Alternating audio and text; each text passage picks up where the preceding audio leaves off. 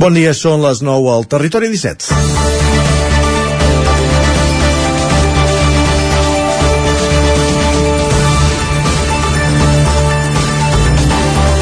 Mica a mica es van fent passos per treure el trànsit de la C-59 del, del nucli de Sant Feliu de Codines. Aquesta setmana els hem explicat que el projecte de variant ha estat inclòs al Pla d'Actuacions Específiques de la Generalitat.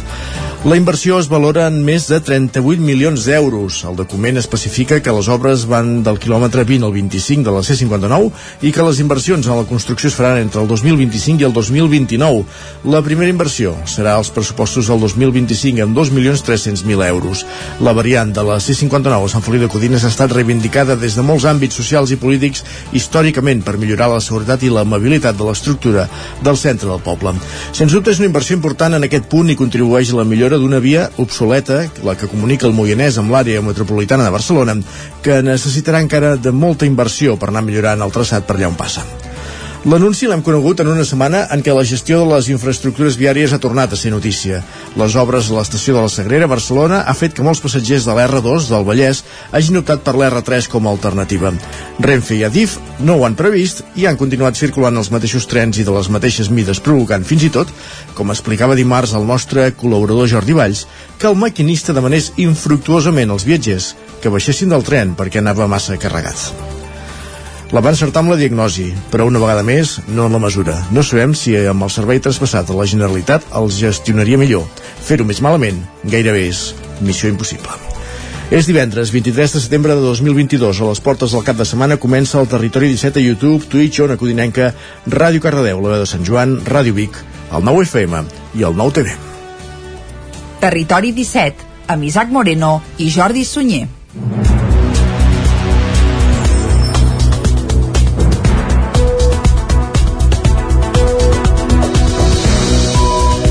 Doncs vinga, passen dos minuts de les 9 del matí d'avui divendres, dia 23 de setembre de 2022, primer dia, per cert, de la tardor astronòmica, i com sempre, avui, durant la primera mitja hora, aquí a Territori 17 el que farem és acostar-vos tota l'actualitat de les nostres comarques. A partir de dos quarts de deu som divendres, i això vol dir que recuperem la tertúlia. Oi, Isaac? Correcte, i avui en companyia de Miquel R, Tom Falqués, Xus Medina i Jordi Vilarrodà per parlar de qüestions de l'actualitat l'actualitat, com per exemple el nou cas de violència masclista a Can de Bànol o, o el caos de la setmana a Rodalies, a Renfe, entre d'altres qüestions. Bé, això donaria per, a, per 3 hores o 3 anys, ja el pas que anem, però procurarem acabar-la la tertúlia un xic abans de les 10 per escoltar procurarem. la cançó del dia. A les 10 el que farem és actualitzar-nos amb un nou butlletí informatiu, tot seguit, evidentment, parlarem del temps, que aquest cap de setmana ve remogut, en Pep Agosta ens ho acostarà, i després ens tocarà parlar d'esports. Com sempre, farem un repàs a l'agenda del cap de setmana esportivament parlant, pel que fa als esportistes i clubs de les nostres comarques. A dos quarts d'onze serà el moment de la música, perquè cada divendres ens ve a visitar en Jaume Espuny. Correcte, i amb un disc sota el braç, amb un dels clàssics de la seva discoteca, d'aquí una estona sabrem quin i aprofundirem amb, amb aquest treball discogràfic. I per acabar, els divendres, propostes pel cap de setmana com sempre, eh, fent la roda per les diferents emissores del territori 17 per conèixer quines són les propostes per un cap de setmana que, si més no dissabte, es plantegi plujós. Veurem per com evoluciona la cosa. Bé, també es poden fer actes sota cobert, eh? També, això, també, també, això és evident. Cert. Molt bé. Fet aquest apunt, ja sabem tot el que ens espera des d'ara mateix i fins a les 11 del matí. Feu-nos companyia i nosaltres arrenquem i ho fem com sempre acostant-vos l'actualitat de les nostres comarques, les comarques del Ripollès, Osona, el Moianès, Vallès i el Vallès Oriental. I us expliquem a aquesta hora que els Mossos d'Esquadra investiguen si la noia de 21 anys morta dijous a Can de Bànol presumptament a mans de la seva parella també va ser agredida sexualment abans. Isaac Muntades des de la veu de Sant Joan.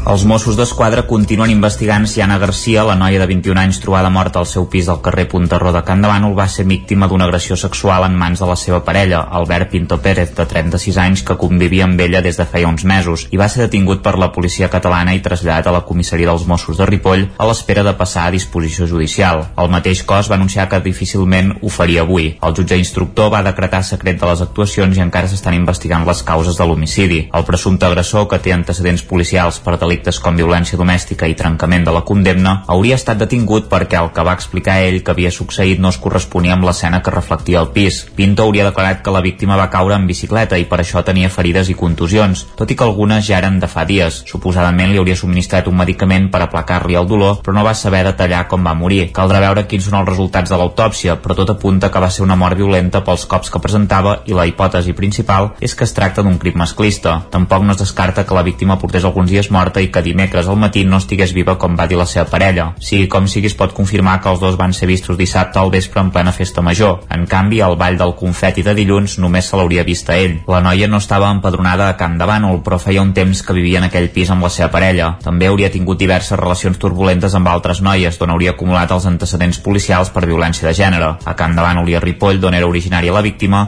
s'hi van fer dues concentracions de suport on hi van assistir gairebé un miler de persones entre les dues per condemnar aquest presumpte feminicidi, que en cas de confirmar-se seria el desè que s'ha produït en guany a Catalunya. Camp de Bànol va decretar tres dies de dol oficials i va suspendre tots els actes institucionals del cap de setmana i la seva alcaldessa, Dolors Costa, va mostrar el condol a la família i va condemnar els fets. Només tornar a repetir que condemnem enèrgicament aquest tipus de violència que tan mal està fent a, fent a la nostra societat i que per desgràcia està passant dia rere l'altre i bé, demanem que, que s'endureixin les lleis, que, que aquests tipus de delictes siguin perseguits perquè el que no pot ser és que cada vegada doncs, vagi augmentant més aquests tipus de delicte, no s'estigui fent res i la gent està veient amb impotència com, com queda amb res. A l'acte hi va assistir la consellera d'Igualtat i Feminismes, Tania Verge, que va carregar contra el patriarcat com un sistema que condiciona la vida de les dones i els hi quarta la llibertat. A més a més, va demanar als homes que siguin els primers a deslegitimar aquest tipus de violències. El dijous també va ser dia de dol a Ripoll. Més qüestions. El cicle formatiu de grau superior en dietètica que la Universitat de Vic havia d'impartir a Manlleu, a l'aterratge de la universitat en aquesta ciutat, no començarà aquest mes de setembre. El motiu és la falta d'inscrits derivada, segons l'alcalde de Manlleu, Àlex Garrido, del retard en les obres de l'edifici que l'ha d'acollir. Les instal·lacions s'estan adequant al que havia estat el Centre Cultural Caixa Manlleu, propietat de la Fundació Antiga Caixa Manlleu. I tenint en compte el retard de les obres, ara es treballa amb la previsió que la docència hi pugui començar a principis de l'any que ve. L'alcalde de Manlleu, Àlex Garrido, refermava a l'últim ple municipal la vigència de l'aposta estratègica pels estudis de la Universitat de Vic a Manlleu, tant per part de l'Ajuntament com de la mateixa universitat. L'escoltem. I que té la voluntat de que Manlleu eh, sigui una seu potent de la universitat eh, i està treballant i està treballant d'una forma molt seriosa eh, que, insisteixo, començarà al febrer. Les obres ara mateix no estan acabades per tant anem bé per començar al febrer.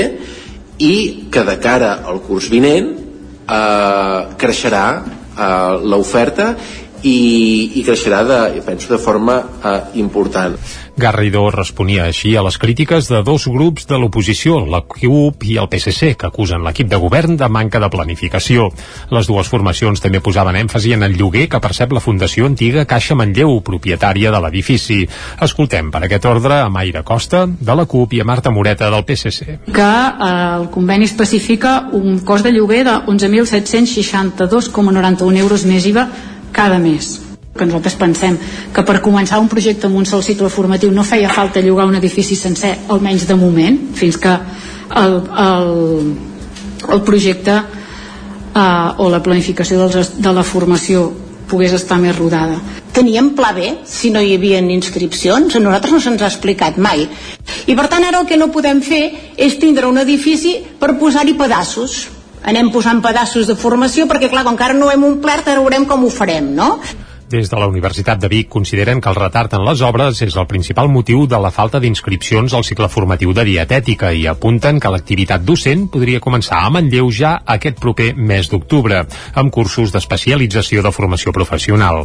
La universitat també referma l'aposta en els estudis a Manlleu i a impartir-hi tanta docència com sigui possible, pensada, sobretot, per a les persones joves del municipi. Més qüestions. Coincidim el Dia Mundial de l'Alzheimer, que es va celebrar aquest dimecres. Les associacions de familiars de persones amb aquesta malaltia van demanar a l'administració que destini més finançament a la seva investigació. És el cas de l'associació AIXES, una entitat que des de fa una setmana gestiona l'Associació de Familiars i Malalts d'Alzheimer d'Osona. Cada any atenen prop de 200 persones a la capital d'Osona. I coneixerem el cas de la Maria i la Missus, esposa i filla respectivament de dues persones a qui ja fa anys se'ls va diagnosticar la malaltia, en aquest cas a Vic. Totes dues es troben habitualment a la seu de l'associació Aixes, que està situada al carrer Sant Pau. Aixes és una entitat que treballa per la sostenibilitat humana, ecològica i social i que des de fa una setmana també s'encarrega de gestionar l'Associació de Familiars i Malalts d'Alzheimer d'Osona. Una simbiosi que pel president d'Aixes, Joan Redorta, s'ha produït de forma natural i que respon a la voluntat dels membres de l'associació de ser substituïts en els seus càrrecs per així poder donar viabilitat a l'associació. Coincidint amb el 21 de setembre, és a dir, el Dia Mundial de l'Alzheimer, membres de l'entitat van aprofitar també per demanar que es destini més finançament públic a la investigació d'una malaltia que a Catalunya ja afecta a una de cada 10 persones més grans de 65 anys. Per tant, el dimecres també era un bon dia per visibilitzar la tasca de, de l'entitat, en aquest cas AIXA. És una entitat, una associació que té prop de 200 persones a Vic i que compta amb tres professionals i una trentena de voluntaris. I més qüestions, dues mares de les franqueses del Vallès i Granollers que han començat a impulsar l'entitat TEA Vallès Oriental, una associació que vol donar suport a famílies i persones amb autisme al territori, demanen garantir els seus drets i oferir serveis de qualitat. Òscar Muñoz, des de Ràdio Televisió Cardedeu. Totes dues tenien fills amb trastorns d'espectre autista de 12 a 8 anys respectivament i van coincidir formant part de la xarxa de salut mental del Vallès Oriental. La seva experiència i la dificultat de trobar recursos i suport a prop les ha motivat a impulsar una entitat sense ànim de lucre integrada per les mateixes famílies que serveixi de grup d'ajuda mútua. És per això que s'han proposat crear un espai d'atenció directa a les famílies que abordi tant el moment del diagnòstic com les pors o incerteses que venen després. També generar espais de respir per a les famílies i ajudar-les en la transmissió de papers i difusió de recursos. Un altre objectiu de la nova entitat és també donar visibilitat a l'autisme i fer que aquestes persones puguin participar de la quotidianitat i del màxim d'activitats de la societat, com ara unes fires on hi hagi franges sense música o sense llums perquè sigui un espai inclusiu. Les dues impulsores del TEA Vallès Oriental valoren molt positivament les organitzacions de la comarca que, com Autisme a la Garriga, tracten les persones amb aquests trastorns, però no estan integrades per les famílies ni se centren en els grups d'ajuda mútua que tant necessiten. I obrim la pàgina de, de, de, o sigui, del cap de setmana explicant que la festa del Grito de Sant Joan de les Abadesses recupera del tot el seu vessant social i de trobada. Isaac Muntades, la veu de Sant Joan. Després dels actes en línia del 2020 i d'una festa sense parades de menjar l'any passat, aquest dissabte la festa del Grito de Sant Joan de les Abadeses recuperarà la seva essència. La festa, que se celebra des de l'any 2005 per commemorar la independència de Mèxic, té sentit perquè a la vila Sant Joanina va ser on va néixer el compositor de l'himne nacional mexicà, Jaume Nunó. A més a més, Sant Joan està germanat amb Sant Luis Potosí, la població natal de l'autor de la lletra de l'himne, Francisco González Bocanegra. L'activitat s'ha consolidat com una de les millors festes pàtries mexicanes dels països catalans. Els actes actes es faran a la plaça Major, que comptarà amb parades artesanes de productes mexicans i d'alimentació, un taller infantil i trencaments de pinyates, a més de les actuacions de México es Mágico, a càrrec de ballet Viva México i México Baila, i de l'actuació de mariachi Semblanza Mexicana, per tancar la jornada. L'acte central serà a les 7 de la tarda a l'edifici del Palmàs amb el Grito de la Independència, a càrrec de la nova cònsul titular del Consolat de Mèxic a Barcelona, Clàudia Pavlovich, seguit del cant de l'himne nacional de Mèxic i la sardana Un Sant Joaní a Mèxic de Ramon Oliveres. Lilian Díaz, una mexicana que va créixer a Veracruz i casada amb un català, va venir a viure a Sant Joan l'any 2009 i explica la importància de la festa i dels símbols. Y para nosotros es muy importante. ¿Sabes qué pasa? Que desde pequeñitos nos enseñan, no solo en la escuela, sino también en la casa, el respeto por la patria, ¿eh? por nuestros símbolos patrios, como la bandera, el himno nacional, este, el día del que se celebra la bandera, por ejemplo, el 24 de febrero, es súper importante el rendir el, el honor, ¿no? A, a, todos los héroes que, como decimos en México, nos dieron patria, ¿no? Y cada mexicano canta, o cantamos más bien, el himno nacional con un orgullo y con un amor y una alegría que se nos salen hasta las lágrimas. Bueno, ya la madrugada del 16 de septiembre, todos al unísono, ¿eh? Cantando a todo pulmón el himno nacional. Díaz, que havia treballat de periodista a Mèxic, va escollir Sant Joan per unes imatges que sortien en un videoclip de Charango. El seu marit li posava TV3 i quan va ser a Catalunya es va enamorar de la música i la cultura catalana. El que no sabia és que Sant Joan tenia un lligam tan intens amb Mèxic, un fet que va descobrir més tard. Per desgràcia, només va poder gaudir de la festa en plenitud el 2019 per l'arribada de la pandèmia, ja que ella va arribar al juliol d'aquell any. Aquest any també l'acompanyarà la família del seu marit. Com a curiositat, Díaz viu en un pis que està davant de la casa on va viure Jaume Nunó. Els organitzadors de la Festa del Grito i d'altres festes que se celebrin al cap de setmana estaran molt pendents del cel i, de fet, alerta, última hora, ho acabem de saber, ja hi ha uns organitzadors que han decidit suspendre la festa que tenim prevista per aquest cap de setmana. És el cas de la Fira de la Cervesa Artesana de Santa Maria d'Oló, Caral Campàs el grup de jovent, el col·lectiu Dolor, ja ho tenia tot a punt per poder celebrar la segona edició de la Fira de la Cervesa Artesana, la Birra Folla, que en un principi s'havia de dur a terme demà, dia 25 de setembre. Tot i això, des de l'organització han decidit reprogramar la Fira per la previsió de pluja que hi ha per tot el cap de setmana i sobretot dissabte. Sentim Salvador Uller, un dels organitzadors, parlant de la problemàtica que se'ls plantejava. Estem ara ultimant-ho tot, amb la qüestió de pluja que pinta molt malament Catalunya Central l'alternativa que ens dona coberta l'Ajuntament mm, no ens abasta amb la previsió de gent que teníem d'acollir i estem decidint què fem al final. Eh, estem mirant una altra data el no poder trobar una bona alternativa a cobert han pres aquesta decisió i a hores d'ara ja han publicat a les xarxes la nova data de la Fira de la Cervesa Artesana de Santa Maria d'Oló. Serà el dia 15 d'abril del 2023. Gràcies, Caral, per aquest punt d'última hora. Eh, la que no es fa aquesta setmana, aquest cap de setmana, ja està previst fer-la més endavant, és la Festa del Porc i Cervesa de Manlleu del 30 de setembre al 2 d'octubre, una nova edició, com dèiem, de la Fira del Porc i la Cervesa. Exacte, la Fira s'ha presentat aquesta setmana, però no es farà aquest cap de setmana, sinó el vinent, eh? Ja veurem la meteorologia com va el cap de setmana que ve. Uh, I és que Manlleu, això, recuperarà la Fira del Porc i la cervesa amb el format habitual d'abans de la pandèmia i amb un extens programa d'activitats que es faran, com bé dèiem, entre el 30 de setembre i el 2 d'octubre. Tot començarà amb la punxada del barril, que es farà, a, que, la farà, vaja, a Combier i els canceladers manlleuencs guanyadors del concurs nacional de llonganissa tradicional. A més, durant la punxada, els assistents que tinguin el got oficial de la fira també podran gratuïtament la nova cervesa manlleuenca. Gran part de les activitats programades aniran acompanyades de música que servirà per amenitzar tota la fira. Ho explica Eudal Sallarès, que és el regidor de promoció econòmica de l'Ajuntament de Manlleu. Tenim fins a nou eh, activitats musicals que ens ajudaran a amenitzar una mica aquesta fira, acompanyar-nos en alguns moments, a tancar la, fe eh, la festa quan, quan convingui durant la fira es realitzaran diversos tastos guiats de cerveses artesanes i també embotits de proximitat. Tot això es farà als jardins de Can Puget i amb una inscripció prèvia. Aquest any, com a novetat, la fira convida el públic a viure l'experiència també de formar part del jurat amateur, que estarà guiat per Ariel Caballero, un jutge cerveser internacional. Els visitants que s'apropin a la fira també podran tastar plats elaborats amb porc i cervesa artesana als establiments de cinc restauradors del municipi, el Manlleuet, Cal Batlle, Cal Ermità, Timus i Torres Petit. A més, va, només per provar algun d'aquests plats entraran al sorteig d'un viatge en globus.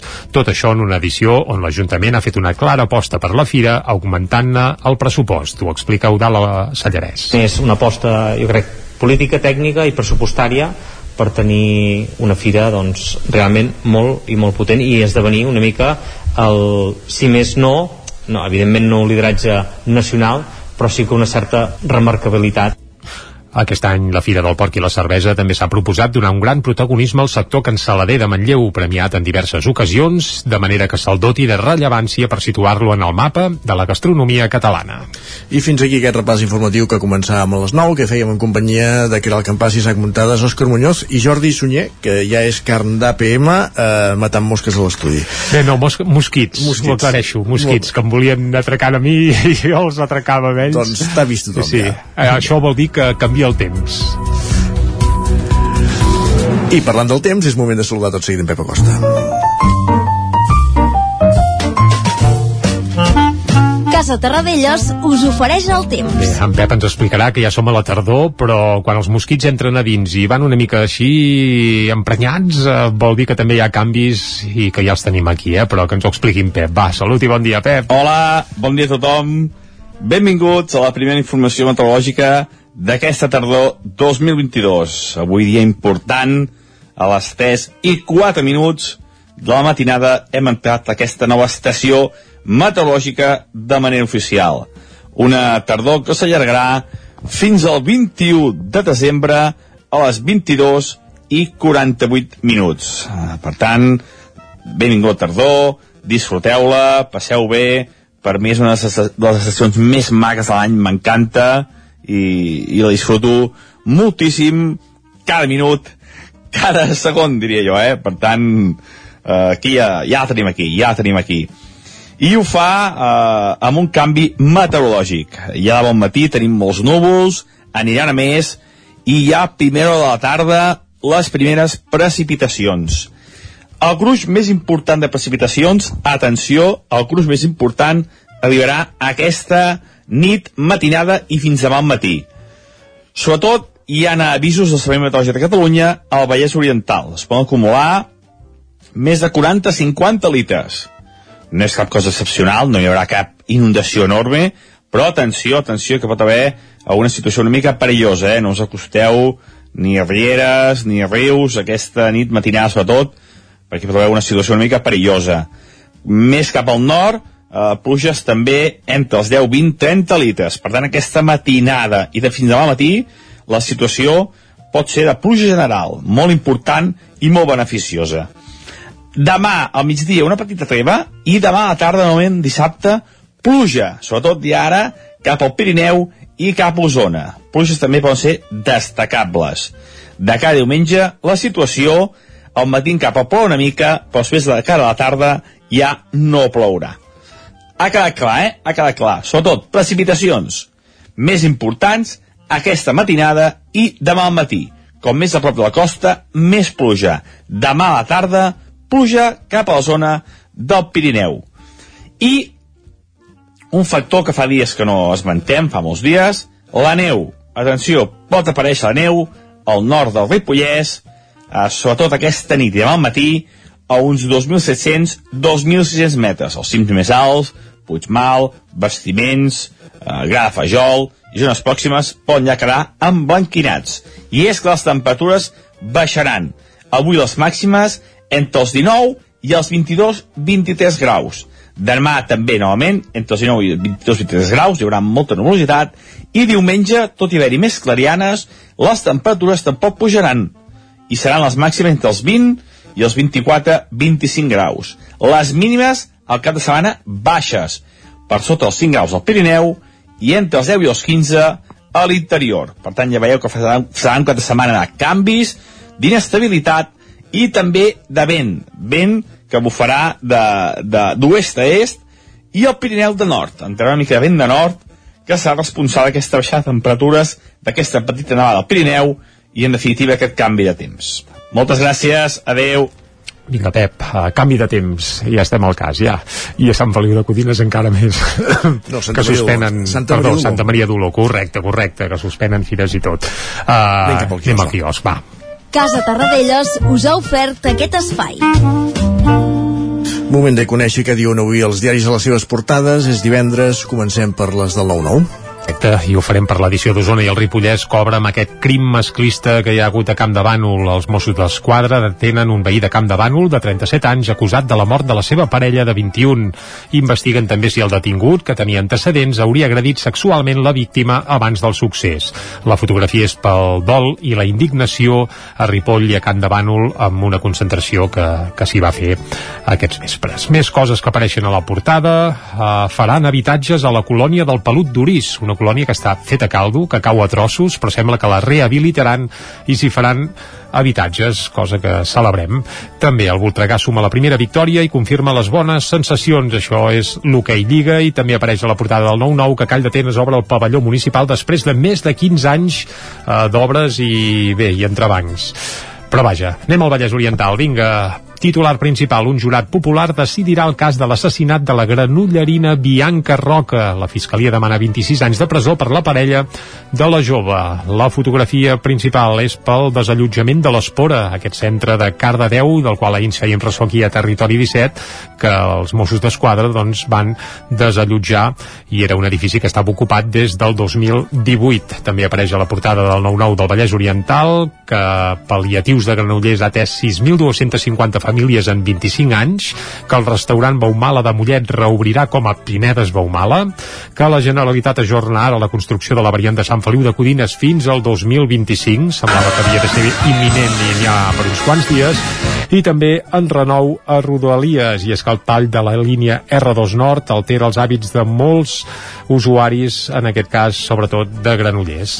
I anem ara cap a les portades d'àmbit nacional, i començarem, com sempre, pel punt avui, que té un titular principal, i és retrobament. Qui es retroba? Doncs no ho diries mai. Doncs Esquerra, Junts i la CUP. On es retrobaran i on aniran junts? Doncs a l'acte que es farà per commemorar el referèndum de l'1 d'octubre i bé, això evidentment es farà eh, el dia 1 d'octubre, dissabte vinent. També la fotografia principal no és pel retrobament, sinó que és per la Sagrada Família i es veuen un parell d'escultures que són les que culminaran a les torres dels evangelistes i sembla que s'acabaran al desembre i a la fotografia hi veiem aquestes dues escultures a punt de ser situades al seu, al seu lloc. També els diputats del Parlament continuaran cobrant dietes, això també ho avancen el punt avui. Anem cap a l'ara, titular principal per Rússia, que inicia el reclutament massiu a les ciutats petites. La fotografia, però, és la mateixa que el punt avui. Un lleó i un bou per a la Sagrada Família són aquestes peces que encapçalaran les torres dels evangelistes. També el Tribunal Superior de Justícia diu ara que el 25% de castellà s'ha de complir a les escoles que tenien ja sentència. Per tant, això que no s'acaba mai. No s'acaba, tu sí, dit. S'hauria d'acabar si es fes efectiu l'1 d'octubre algun dia, però si no em sembla que en tenim per l'eternitat i més enllà. A l'avantguàrdia, el titular principal, el govern espanyol imposarà un nou impost a les grans fortunes i també hi veiem que Europa afronta dividida l'arribada de russos que proven d'evitar que els enviïn a Ucraïna. El periòdico, l'espiral bèl·lica russa reforça la unitat mundial davant de Putin i també Meloni exigeix el poder i és que també hi ha eleccions a Itàlia, eh? ràpidament cop d'ull a portades ibèriques, el país la Unió Europea busca un acord per l'acollida de refugiats russos. A El Mundo, Putin caça reclutes al metro entre pobres i minories ètniques. Carai. Mare de Déu, això és el que encapçala El Mundo. A l'ABC, Vox trenca Molona i li tanca la porta després de les seves crítiques al partit. Primera Divisió. sotregada a Vox. I la Razón, pressupostos, negociació abans amb el PNB i Bildu que amb Esquerra. Doncs va, 3 minuts de pausa i anem a la tertúlia. Fins ara mateix. Salut.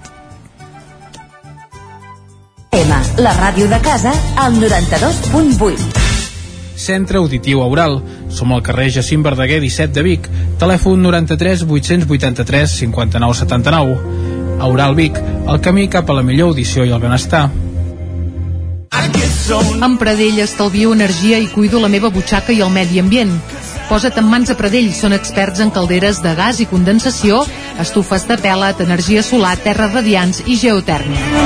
Pradell instal·la calderes de biomassa per a particulars i per a empreses. Si vols estalviar un 50% en consum, contacta amb Pradell i passa't a les energies renovables.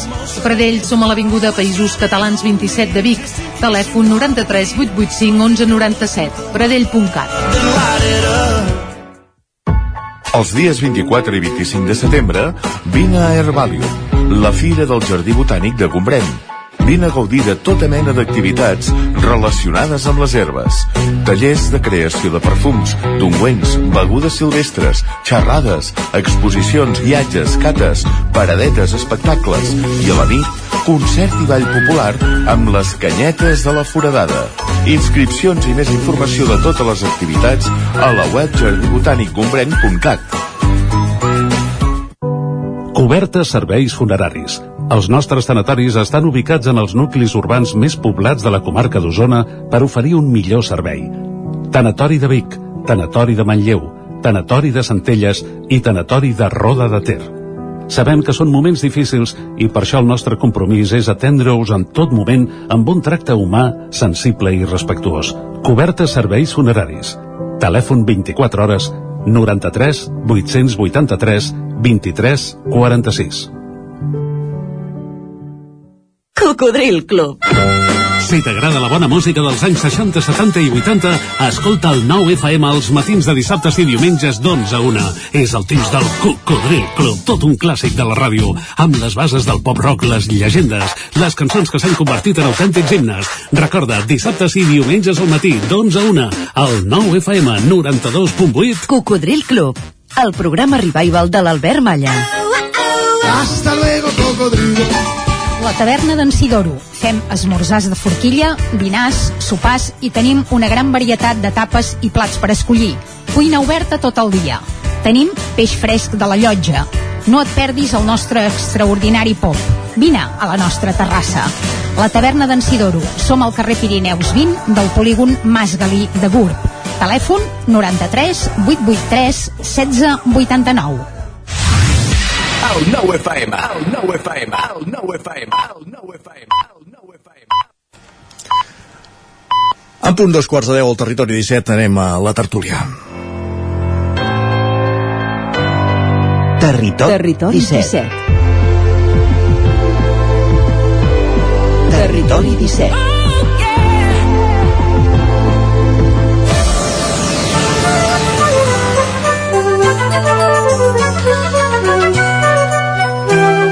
Doncs el territori 17 ja ho sabeu els divendres, tertúlia d'actualitat, avui en companyia de Miquel R, Xus Medina, Jordi Vilarrodà i esperem que s'incorpori en breu també a Anton Falqués. Benvinguts mentrestant a tots tres. Com esteu? Bon dia.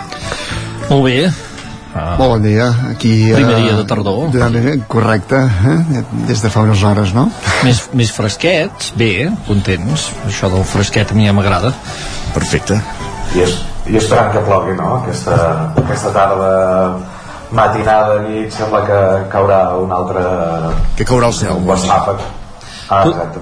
Tot i que això s'ha matisat i em sembla que es parla més del litoral i per tant allò que esperem nosaltres, que és que plogui per exemple a la capçalera del Ter i que es vagi omplint l'embassament de Sau i tot això eh, ja ho veurem, em sembla que no, no serà tant això Pel grito no, no pateixes, eh? Per la festa del grito? Mm, es veu que el dissabte a la tarda sí que hi ha possibilitats que, que hi hagi festa mexicana mullada al meu poble, Sant Joan de les Hores No ho diem perquè ara donàvem aquesta notícia que Santa Maria d'Oló ja s'han encarregat de suspendre o d'ajornar, si més no, una setmana la, la festa de, de la cervesa. Caram, doncs precisament en el cas del Grito ja ho han traslladat preventivament al pavelló alguns, de, alguns dels actes de dissabte a la tarda. Molt bé. Uh, entrem en temps de tertúlia uh, aquesta setmana hi ha diversos temes d'actualitat però sí que una de les notícies de la setmana malauradament és un altre crim masclista en aquest cas a Can de Bànol i avui mirant les dues portades del 9-9 la, la d'Osona i el Ripollès i la del Vallès Oriental veiem que coincideix amb l'inici d'un altre judici per un cas de violència masclista en aquest cas per l'assassinat de la granollerina Bianca Roques demanant 26 anys de presó per la parella de la jove un judici que, que, que, es, que el decidirà un, un jurat, que es jutjarà amb jurat popular. En fi, eh, el que dèiem, no? tornem a, a lamentar notícies com aquestes que, que de, de, de vegades tenim la sensació que, que no avancem no? com a societat.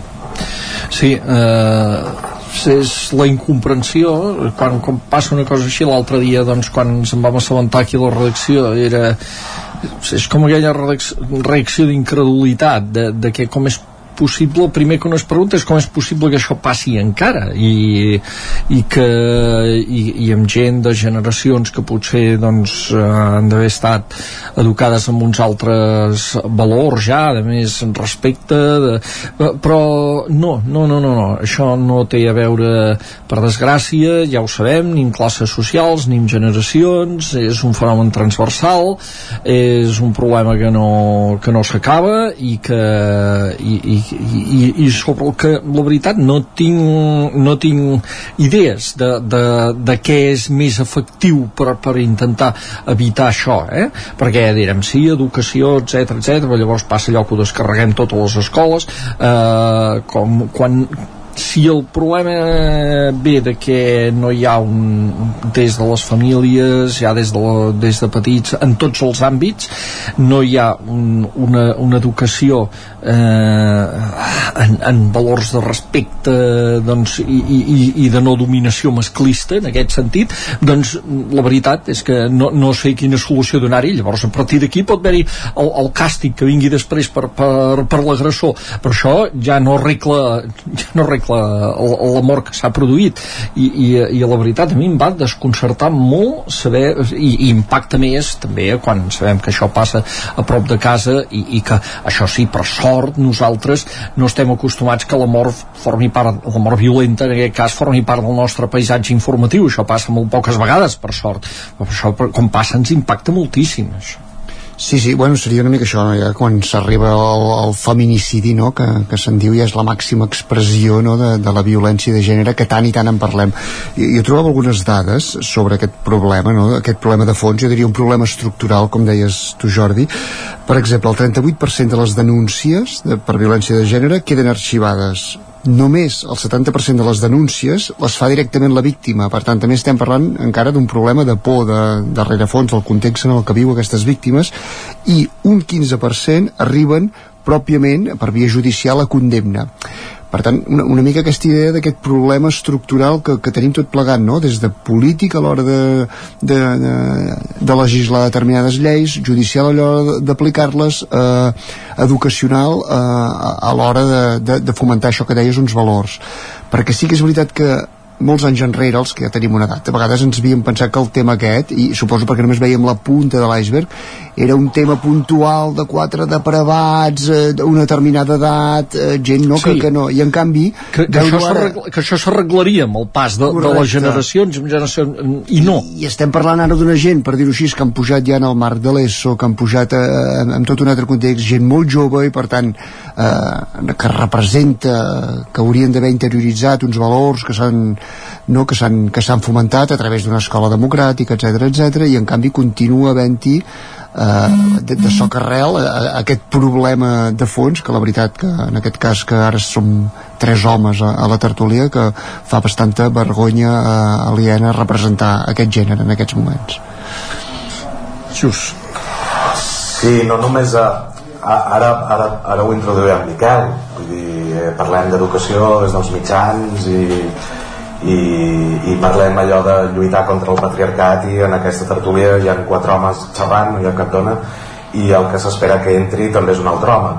Per tant eh, nosaltres mateixos hauríem de ser els primers de fer un pas al costat la gent que tenim responsabilitats o que ens ha tocat això de comunicar perquè ara mateix eh, tal com és la, la nostra societat no està gens ben representada i som, som homes que estan parlant de, de feminicidis, de que estem parlant de, de maltractaments. Això per una banda.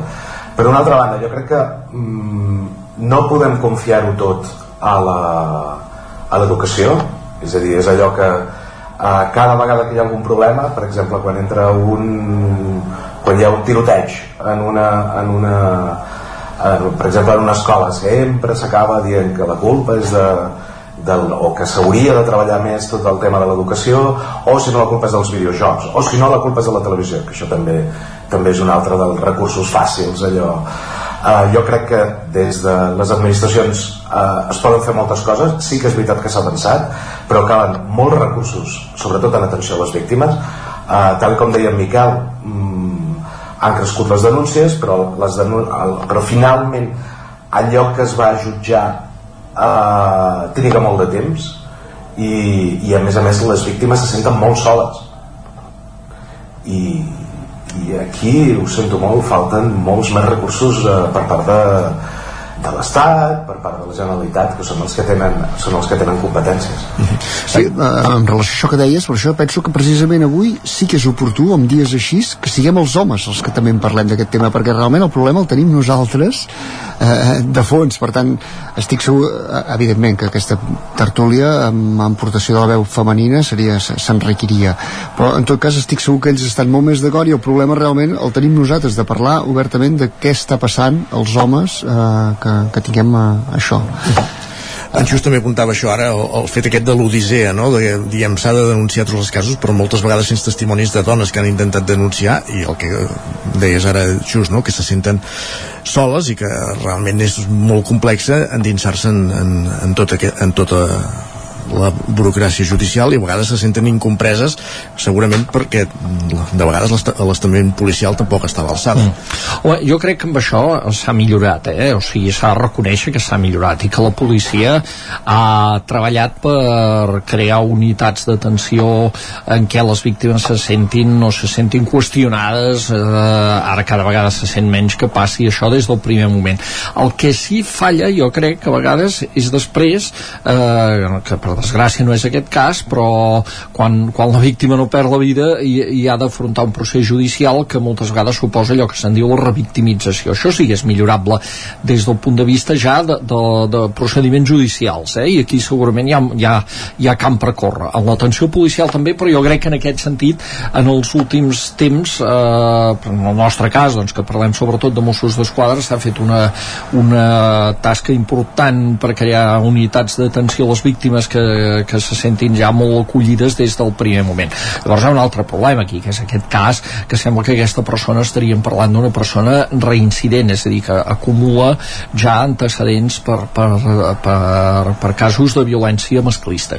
I, i, i llavors en aquests casos ja eh, no sé què es pot fer per vigilar, per, per no sé, perquè aquestes persones eh, per, a veure, mm, una persona com ella és una persona perillosa, és una persona perillosa i a partir, i a partir de fets com, com aquest, ho sento jo, mm, sí que sóc penso sincerament que són persones no rehabilitables. O sigui, quan ha passat un fet així o sigui, són persones que no tenen reinserció possible en la societat. Perquè eh, es demostra aquesta reincidència aquest, eh, no, no, no aquesta persona, aquesta persona a partir d'ara tota la seva vida ara d'aquí 10 anys i d'aquí 20 anys continuarà sent un perill que convisqui amb la, amb, amb, per conviure en societat. I, i, i ho sento, jo crec que són casos irreformables irreformables en aquest, eh, sap greu de dir-ho, però és que és així. Obrim una mica la perspectiva eh, incorporem la tertúlia en Tom Falqués d'Ona Codinenca, Ton, benvingut bon dia, dic obrim perspectiva perquè físicament tu ets a Suècia que és on, on vius eh, normalment tot i, que la, tot i que fas molt sovint incursions cap a Sant Feliu. Eh, ara estàvem parlant dels temes de, de violència de gènere, de violència masclista. No sé si en altres països com pot ser Suècia hi ha una altra percepció de tot plegat és diferent o, o, o no tant? Sí. Bé, bon dia, bon dia a tots, primer de tot, i gràcies per, per uh, convidar-me a participar d'aquestes tertúlies. Uh, a veure, jo crec que Suècia, com molts altres uh, àmbits, està experimentant un canvi molt gran. O sigui, la Suècia de la socialdemocràcia de fa eh, 20 anys eh, no és la Suècia que hi ha avui en dia és, eh, la Suècia, la Suècia ha evolucionat moltíssim després, eh, clar, el tema dels, de la violència domèstica, el que jo és que no sé si és que, ho estava pensant mentre ho comentàveu, eh? no sé si és que no transcendeix tant als mitjans o és que no n'hi ha tant encara aquí, saps? Perquè al final eh, les societats evolucionen i també hi ha hagut eh, és, és molt més eh, multicultural eh, Suècia ara mateix no és, no és l'estàndard eh, això que us deia, no? de, de famílies benestants eh, del, de fa 15-20 anys, sinó que és, està molt més molt més barrejat, hi ha gent de tot el món, i això a vegades també mm, la gent arrossega maneres de fer, per dir-ho d'alguna manera. No?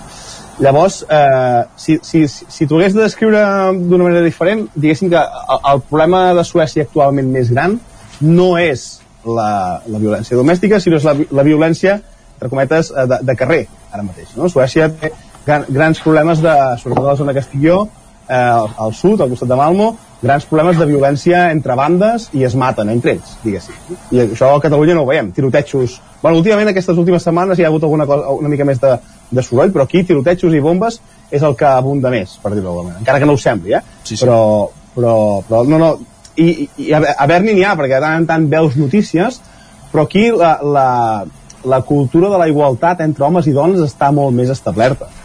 Igualtat a, a nivell, a, a, tots, a tots nivells, per dir-ho d'alguna manera. No, eh, i un nivell bàsic, eh? I, si m'escapo una mica del tema, disculpeu però perquè tingueu una idea del, del tema de la igualtat i de la diferència cultural que hi ha en els temes home-dona aquí dalt.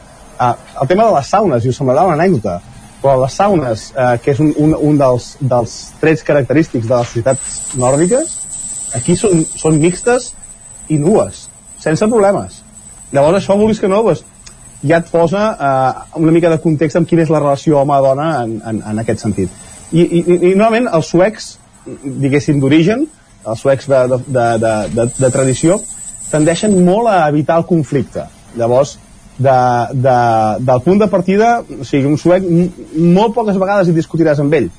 Normalment que tirarà enrere i, i, no, i no, dirà, no dirà gran cosa, no? Llavors, suposo que això també fa que, que les explosions agressives, com seria la violència domèstica, no siguin tan, tan abundants. Aquest és el problema, no? És el que dèiem, no? Que la, la, teníem la impressió que ens havíem acostat a aquesta Europa que a vegades havíem mitificat, eh? Que ens deien que, ens deien que Suècia poder ja no és la, la que ens imaginàvem de 20 anys enrere, però el trist és constatar que poc que hem evolucionat, no? I amb les xifres que s'acaben demostrant, aquest és el, aquest és, aquesta és la decepció. Uh -huh. Uh, un altre dels temes de, de la setmana ha estat un altre dels temes de la setmana gairebé és un tema recurrent que és el causa Rodalies però sí que aquesta setmana s'ha accentuat amb el fet aquest de les obres de la Sagrera que la línia R2 que passa pel Vallès Oriental doncs eh, presenti dèficits que molts usuaris optin per l'R3 que l'R3 estigui col·lapsada que més coincideix amb el fet de la gratuïtat de, dels bitllets Uh, en fi, uh, com dèiem, és un tema recurrent, però que aquesta setmana hi hem, hem vist moltes queixes d'usuaris. Sentíem dimarts, aquí mateix en aquest programa, en Jordi Valls de Centelles, que a la secció de, de l'R3 del tren, a la tren d'Alba, deia m'he trobat que el maquinista ha parat el tren i ha dit dues vegades a la gent que baixessin perquè anaven massa plens. Ja és que és surrealista, que més pot passar ja uh, a la línia de tren que que t'expressin que baixis del tren perquè no hi caps, no? Diguéssim, que ja és... Eh, quan el que haurien d'haver fet segurament era preveure que podia haver-hi aquest allau d'usuaris i, i fer trens més llargs. Uh, ara faré una cosa que, que, que, no és, uh, que no és habitual, que és a vegades recordar que algun polític l'encerta. Però és que vull recordar que el vicepresident de la Generalitat, el vicepresident Puigneró, quan es va adoptar aquesta mesura de, de la, la gratuïtat uh, fins al mes de desembre, em sembla que és, uh, va dir aquí no es tracta que siguin gratuïts, es tracta de que funcionin i en aquell moment què diu, que, ah, que no, que la gratuïtat, que tal, doncs, sí, molt bé, molt bé. Doncs fem fem retrospectiva eh? i ho valorem ara, oi? L'altre dia doncs, es deia que des de l'inici del curs eh, o, o l'inici de setembre, ara no recordaré exactament quina era la data, eh, però no, hi havia hagut un sol dia sense incidències a la xarxa de Rodalies. Llavors, aquí no es tracta de gratuïtat, aquí no es tracta de gratuïtat, que és un pedaç ara per tres mesos, perquè així és, és populisme, això, senzillament, i és, i és veritat, i s'ha de dir així, això és populisme, no es tracta de gratuïtat, es tracta de què funcionin. I no funcionen, i no funcionen i és un desastre. I, i d'acord que ara alguna part d'aquestes mm, molèsties són a fi de bé perquè es posi en marxa això de la Sagrera que aviat suposo que abans de tornar a començar una fase de les obres primer hi hauran d'enviar els arqueòlegs per veure què havien fet a la fase anterior ja fa tants anys que fa que dura. Primer hauran de fer una prospecció arqueològica. Doncs eh, ja, ja sé que és per això també però és que les alternatives tampoc sembla que s'hagin muntat bé. Un pilot d'autobusos però que resulta que, que van buits els, els, els trens que van plens etc etc etc o sigui que eh, no, no gratuït, que funcionin, si plau, que funcionin, i això ens evidencia una altra cosa, que fa 10 anys jo crec que una part del procés eh, diguem per la independència de Catalunya arrenca de la, de la, del català emprenyat que deia Juliana, oi? Sí, sí, eh, de, de les molèsties per moltes coses entre elles, entre elles els dèficits de les infraestructures.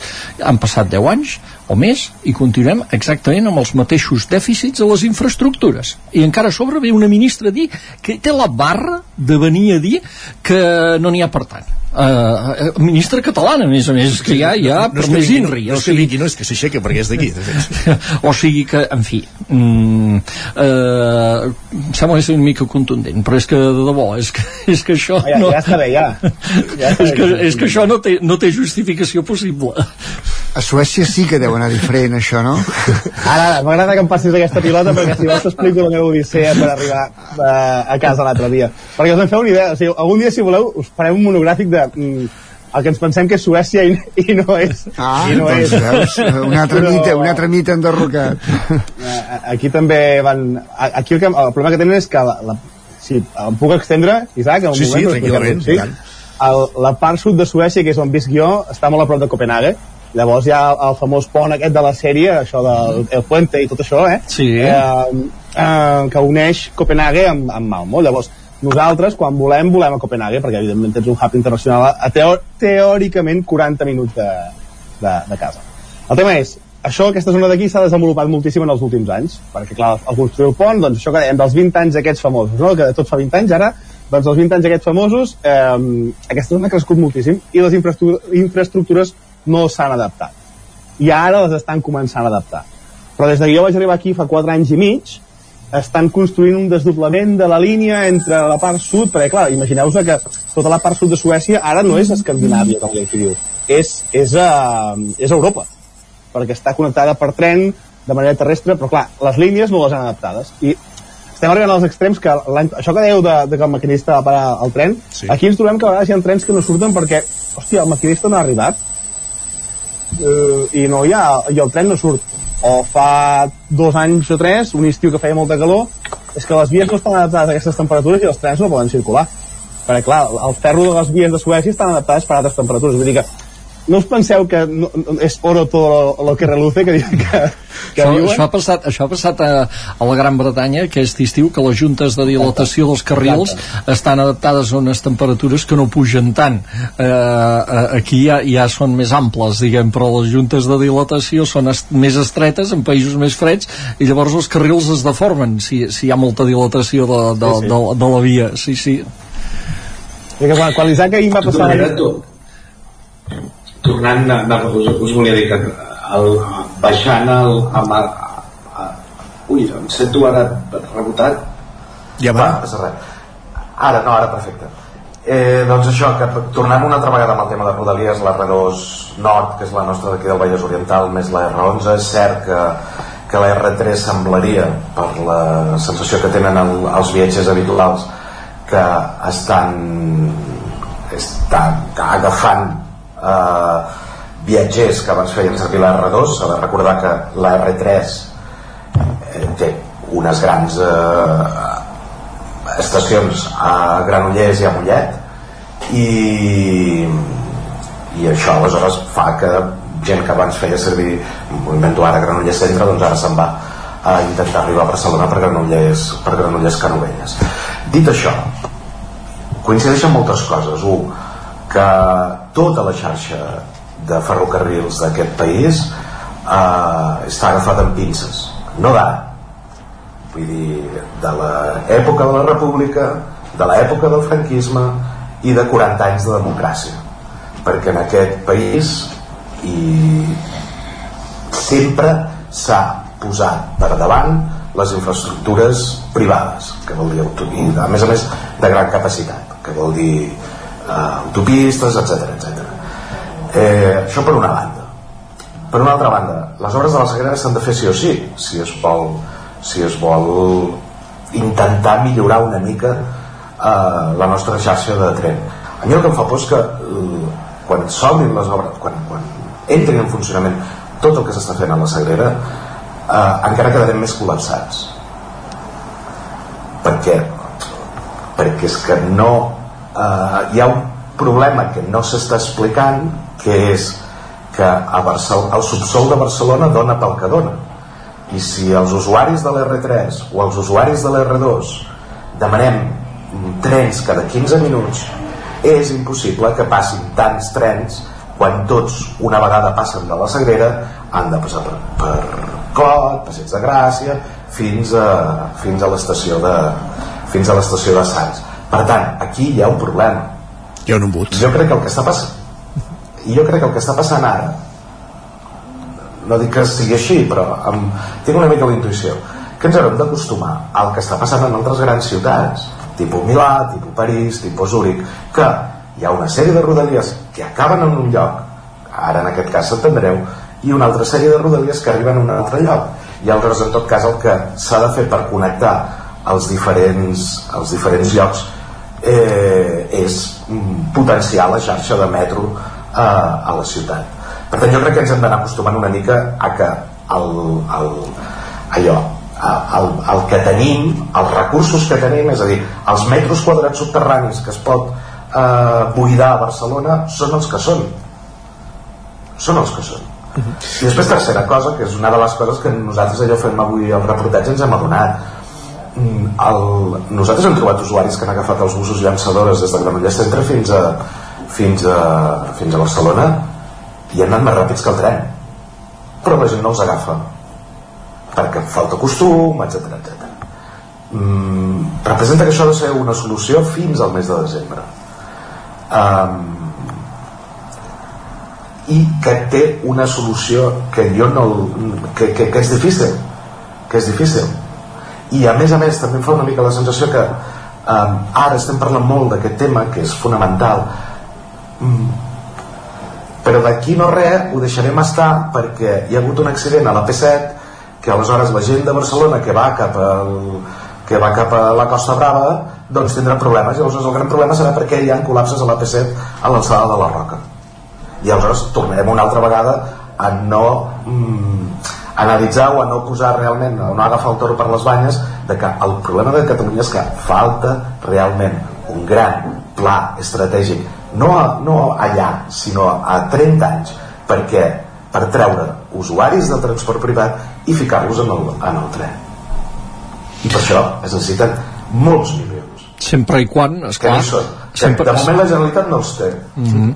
Sempre i quan, esclar, després aquest servei, eh, aquests serveis, aquest transport públic, eh, funcioni, la gent optarà o sigui, la gent opta per les solucions eh, que li són més eficaces. O sigui, mm, eh, és a dir, per exemple, comentava l'altre dia doncs, amb un company molt partidari del transport públic i del tren, em deia però com pot ser eh, tants autobusos cap a Barcelona i, i el, que el tren eh, perdó, dic, esclar, dic, és que des de Vic, per exemple, o sigui, eh, evidentment que la gent agafa l'autobús.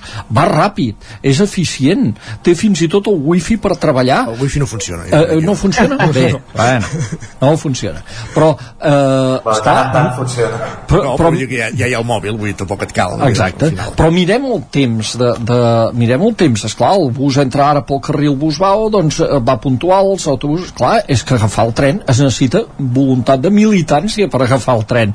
Llavors, eh, em sembla que la ciutadania no se li pot demanar tanta militància per més convençuts que estiguem de, de tot plegat. O sigui, agafarem més transport públic, agafarem un determinat transport públic en lloc d'un altre en funció de l'eficàcia que, que, que tingui, perquè el que vol la gent és anar a la feina i arribar-hi a l'hora que toca. O sigui, i amb un temps raonable. I, i, i, i ja està i a partir d'aquí la gent valora quin és el mitjà que li surt més a compte. I, a, l'economia, és clar és l'altre factor que, que pesa aquí. Llavors equilibra aquests factors i eh, eh, eh, escull el més eficient diguem, i, i llavors hem de procurar que el transport públic o determinat transport públic que vulguem potenciar però sobre un altre sigui eficient abans que tot. El que no li podem demanar a la ciutadania és la militància perquè, perquè sí, diguem, o sigui no, clar, no, la gent té un, té un temps, té, té unes necessitats i, i, i el que s'ha de fer és començar per aquí, per cobrir, per, per, per cobrir això 30 segons, alguna última aportació, i si no aniríem per tancar la tertúlia, eh? No, no, enllaçant amb el que, amb, amb el que començaves, no? Eh, tu, Jordi, al principi, una mica amb aquesta decisió de, de, de fer gratuït eh, eh aquests, aquests mesos és posar una mica allò a la carreta davant dels bous, perquè, d'acord, portes gent al tren, però el tren no està preparat per assumir aquest sobre, aquesta sobredemanda.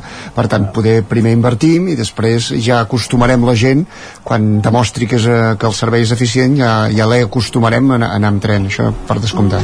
Miquel R, Jordi Vilarrodà, Xus Medina, Ton Falqués, moltíssimes gràcies per ser aquest divendres a la tertúlia del Territori 17. Fins a la propera. Gràcies. Gràcies. Gràcies. Gràcies.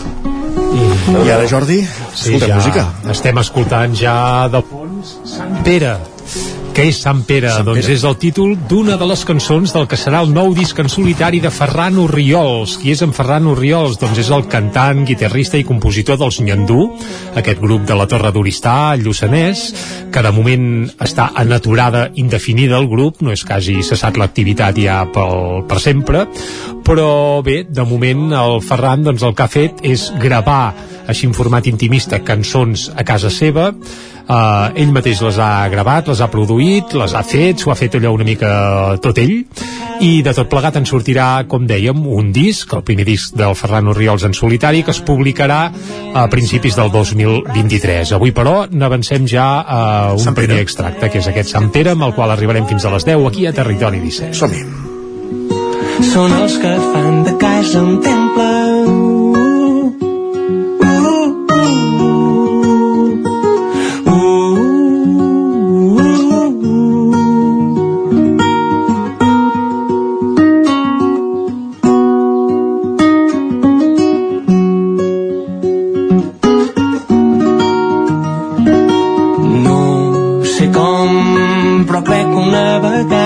Vaig topar-me amb tu i va revelar-te com una mirada càlida abraçada sempre tu.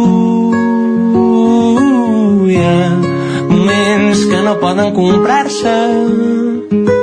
Hi ha plaers que tens tant a la vora que no tenen preu.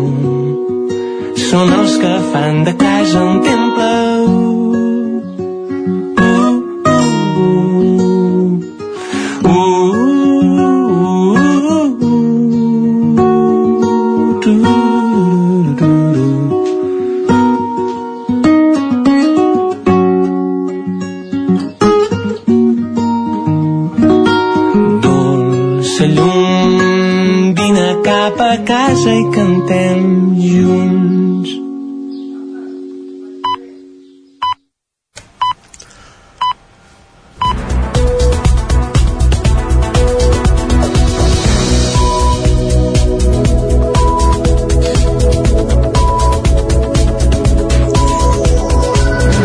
aquesta hora és moment al territori 17 de posar-nos al dia, d'actualitzar-nos amb les notícies més destacades de les nostres comarques i ho fem en connexió amb les diferents emissores que dia a dia fan possible aquest programa. Una codinenca al Vallès Oriental i el Moianès, Ràdio Televisió Cardeu també al Vallès Oriental, la veu de Sant Joan al Ripollès, el 9 FM i Ràdio Vic a Osona, també per al 9 TV, Twitch i YouTube.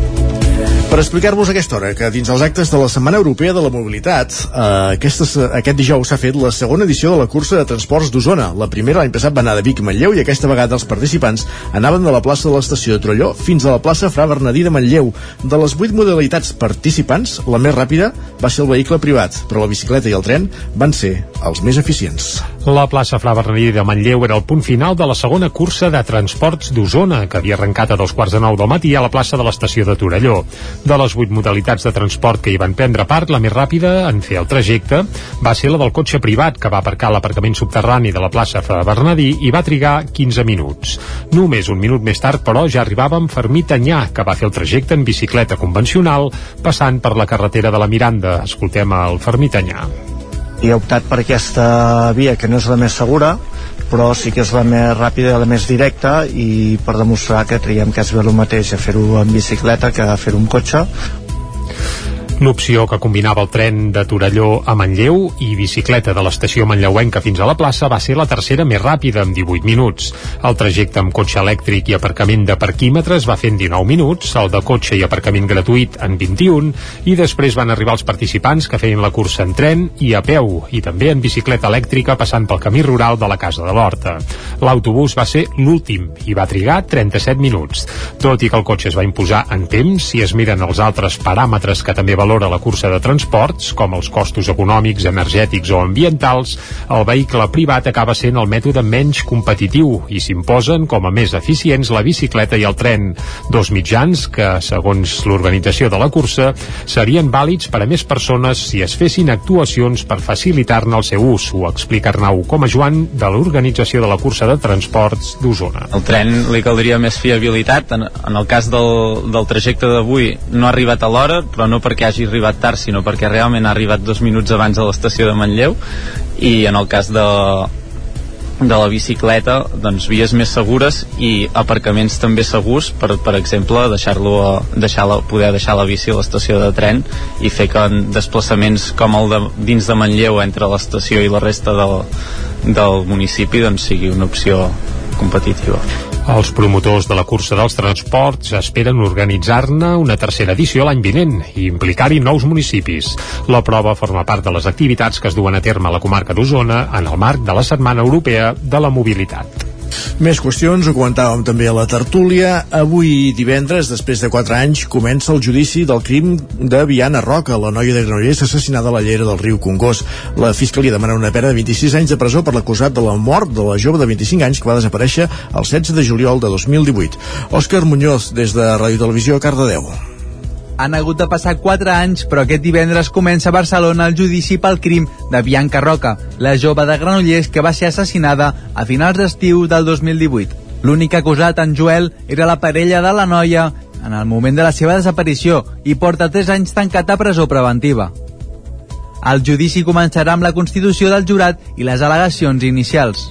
A partir de la setmana que ve serà el torn de les testificals i de les pericials. El cos de la Bianca va aparèixer a una zona del riu Congost a Granollers després d'estar dos mesos desapareguda. Un temps abans havia estat detinguda la parella de la noia després d'una complexa investigació.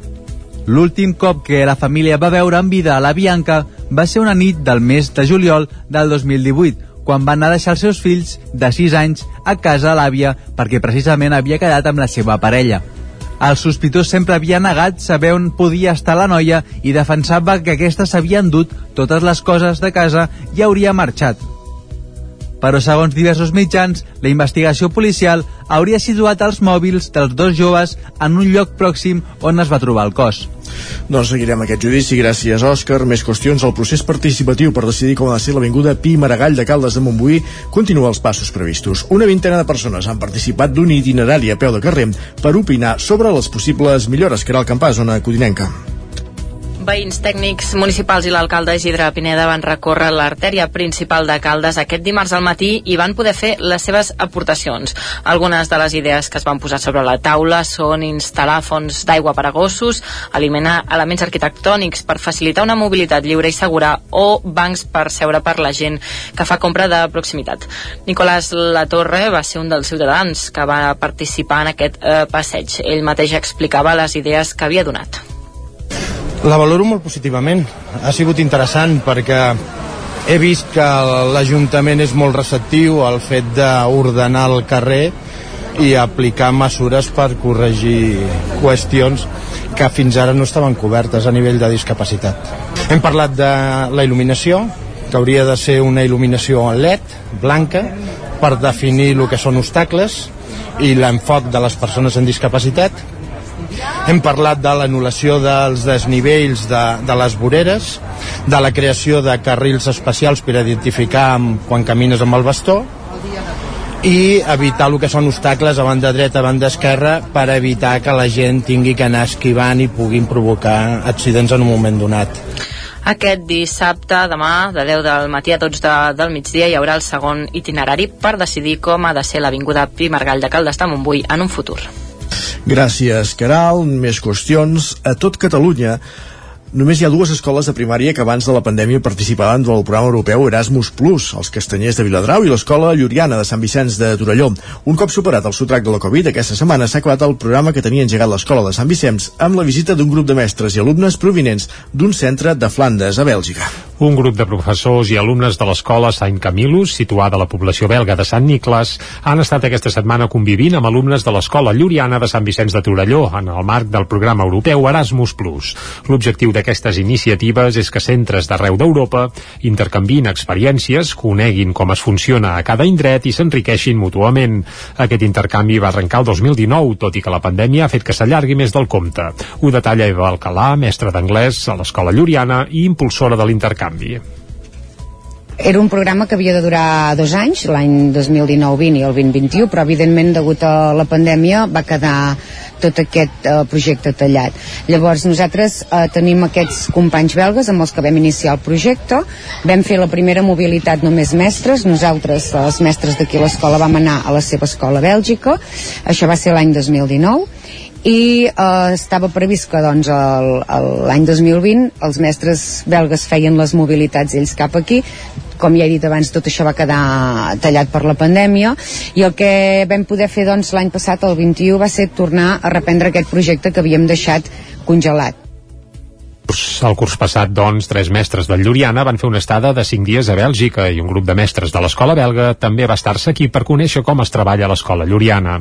L'últim capítol del projecte s'escriu aquesta setmana amb la visita d'un nou grup de mestres belgues a Sant Vicenç, aquesta vegada acompanyats d'una desena d'alumnes que en anglès han fet activitats conjuntament amb els alumnes del Lluriana.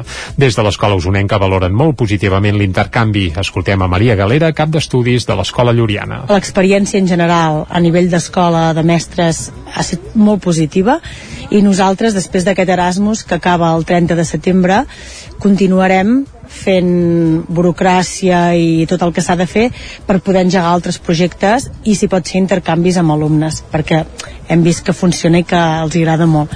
Els intercanvis internacionals a l'escola Lluriana, doncs, sembla que tindran continuïtat. Ho explicàvem ara just abans de les 10, Ferran Oriols, cantant, compositor i guitarrista del grup lluçanenc Nyandú, debutarà amb un primer disc en solitari a principis del 2023. El disc l'editarà el segell lluçanenc Grid Canyon Records. Després d'una dècada d'èxits entroncant disc amb concerts i concerts en disc, Nyandú, el trio de pop-rock de la Torre d'Oristà, va anunciar una aturada indefinida. Va ser en aquell moment que Oriols va decidir donar sortida una necessitat que ell mateix explica que venia creixent al seu interior des de feia temps i va decidir començar a treballar amb un disc íntim de cançó d'autor. Gravat a casa seva i assumint la producció, Oriols ha gravat una col·lecció de cançons despullades de tot artifici tècnic, deixant tot el, el protagonisme a la seva veu i a instruments com el cítar, la mandolina, les guitarres, el baix i bé, i poca cosa més. Això sí, hi haurà una sorpresa en un parell de cançons i és l'acompanyament de la coral de la Torre d'Oristà en dues peces que s'han gravat a la mateixa església del poble. L'esperit fes-t'ho tu mateix i el so desengelat de les cançons agermanen el nou treball d'Oriols amb el de noms consagrats de l'escena folk contemporània, com Sufjan Stevens, Bill Agers, el primer Bon Iver, Hills, o bé, potser també es pot acostar al Radiohead més intimistes. Joan Borràs, per cert, d'Oques Grasses, ha estat l'enginyer que s'ha encarregat de les mescles d'un disc que veurà la llum a principis del 2023 de la mà del segell usonenc Great Canyon Records. Abans, però, s'aniran avançant algunes joies en format single per anar fent bullir l'olla. El primer, Sant Pere, l'hem escoltat avui mateix, just abans de les 10, aquí a Territori 17, i ara el sentim també de fons. De fet, sí, sona així. Avancem, però, en aquest relat informatiu, perquè la cursa de la dona de Ripoll espera reunir més de 600 participants aquest diumenge. Isaac Muntades, des de la veu de Sant Joan. Aquest diumenge Ripoll acollirà la segona edició de la Cursa de la Dona. L'activitat, organitzada per l'Ajuntament, la Fundació Oncolliga Girona i amb la col·laboració de la Fundació MAP, és una prova no competitiva solidària en què tots els beneficis aniran destinats a l'Oncolliga per ajudar pacients de càncer i famílies del Ripollès. L'any passat va ser un èxit i s'hi van inscriure 650 persones i enguany ja n'hi ha 425, però s'espera que la participació s'elevi als números de l'any passat. La cursa és inclusiva ja que es pot fer corrent, caminant, portant un cotxet o amb cadira de rodes. A més a més, està oberta a tothom i els homes també hi poden participar. La cursa, que començarà a dos quarts d'onze del matí, tindrà un recorregut de gairebé 5 quilòmetres amb sortida i arribada a la plaça de l'Ajuntament. El circuit serà apte per tothom perquè no té gens de desnivell i, de fet, serà el mateix traçat de l'any passat. El cap d'esports de l'Ajuntament de Ripoll, Jordi Garriga, en detallava el traçat. Es baixa per aquí a la cartera de Ribes per davant dels Salesians, i es va cap al 27 de maig i es va una mica a direcció el que seria la Font del Tòtil. I abans d'arribar-hi doncs, ja es trenca i es baixa doncs, per la zona dels Mossos d'Esquadra, el Raval de l'Hospital i llavors ja es fa com tota una volta, diguem, a l'altra zona de la part de la població, el que seria per a l'Avinguda Ripollès, per darrere la cartera Barcelona, es baixa pel Concepció d'Uclous i es torna per la Devesa del Pla, ja empalmant cap aquí una altra vegada la via del tren i pujant per aquí al carrer Sant Pere fins aquí la plaça de l'Ajuntament. La inscripció a la cursa té un preu de 12 euros i inclou una samarreta commemorativa taronja i una pulsera, a més de la possibilitat de rebre diversos obsequis que estan exposats a Can Costa. Aquest dimecres també es va celebrar l'últim dels tres entrenaments previs a la cursa. Durant les darreres tres setmanes les dones han fet estiraments, un tastet de ioga, hipopressius i el circuit de la prova. Lara Andrés d'Emprenedona explicava que fan activitats mensuals per les famílies. Cada mes es realitza una acció en concret, que intentem que siguin accions, un cop, com he dit, un cop al mes, on pugui anar-hi tota la família. Entenem entenent que com a càncer ho podem patir totes, però no només ho patim les dones, sinó també ho pateixen els homes, ho pateixen les famílies, ja com directament com a familiars. I aleshores totes aquestes xerrades que es fan durant tot l'any, xerrades o tallers, és per incentivar doncs, també aquest sentiment d'agrupació, de que no estàs sola o que no estàs sol, i també conèixer referents interessants que potser et poden ajudar en el pas d'una malaltia com és el càncer. La cursa de la dona és una activitat que també s'emmarca dins la Setmana de la Mobilitat i Sostenibilitat de Ripoll d'enguany.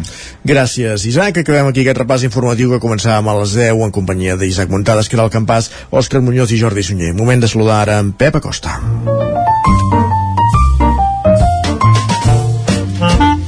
Casa Terradellos us ofereix el temps. Un Pep Acosta que ja ens ha deixat clar que som de cap a la tardor. Ahir va ser el darrer dia de l'estiu astronòmic.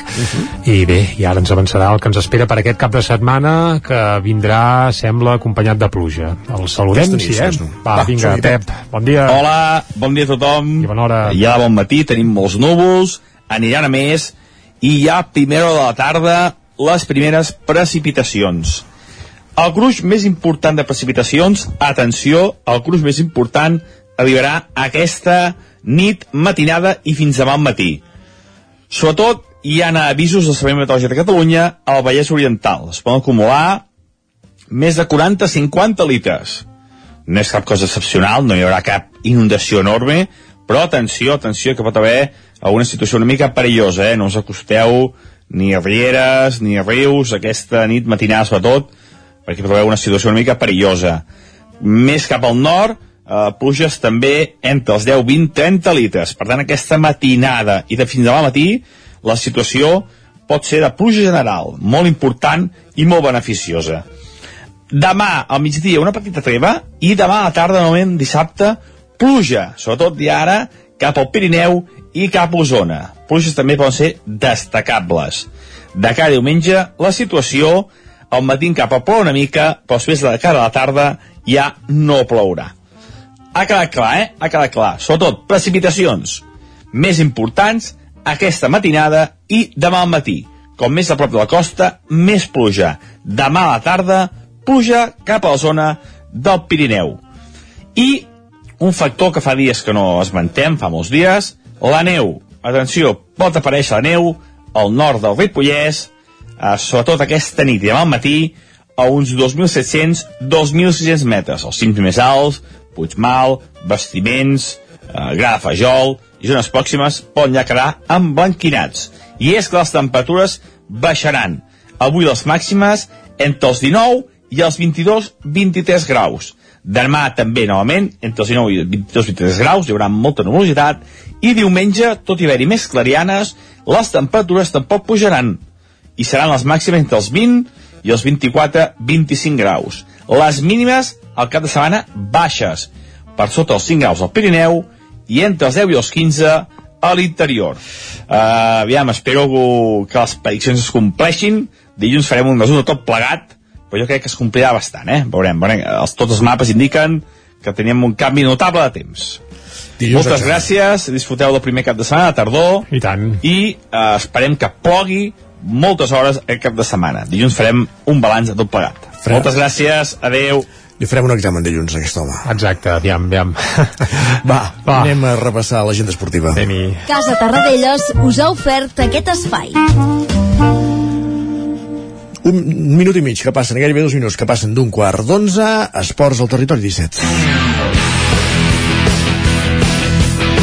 Comencem el recorregut per les nostres emissores per saber què ens depara el cap de setmana esportivament parlant, un recorregut que com cada setmana el comencem als estudis de Ràdio Televisió Cardeu allà ja hi tenim, ja ens espera l'Òscar Muñoz. Benvingut Òscar, bon dia. Bon dia, Isaac.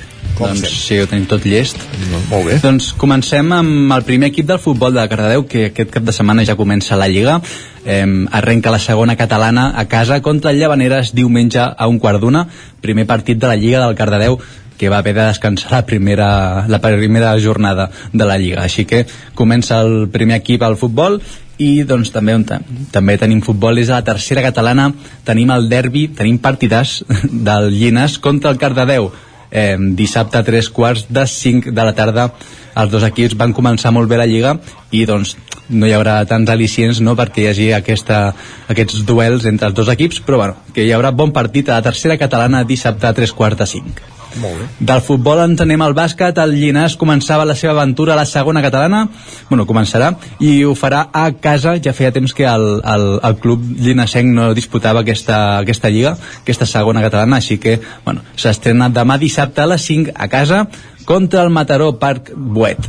Bon equip per començar aquesta segona catalana i on també tenim partidars és a Granollers el sènior masculí del club, del club bàsquet Granollers pisos.com disputarà l'eliminatòria de la primera ronda de la final a 8 de la Lliga Catalana. EVA contra el vigent campió que és el Barça B. No només vigent campió sinó que és el millor conjunt de la fase de grups amb un triplet de triomfs sense cap derrota i un bàsquet a veraix de més de 80 punts. Aquí el, el Granollers ho té difícil per, bueno, doncs per anar seguint en aquesta Copa Català, eh, Lliga Catalana EVA. I això, el partit serà demà dissabte a les 5 de la tarda a la ciutat esportiva Joan Gampar Molt bé. i acabem amb l'handbol amb les noies del crack 7 eh, de la Lliga Iberdrola que aquest dissabte juguen a casa contra el Baracaldo a les 5 de la tarda. Nova oportunitat per les noies per sortir d'aquesta última plaça, que, bueno, ja que juguen contra les penúltimes, així que podran sortir de, de l'última posició, que sempre fa mal, no?, estar allà. Sempre, sempre que guanyi, I... sí. Exacte.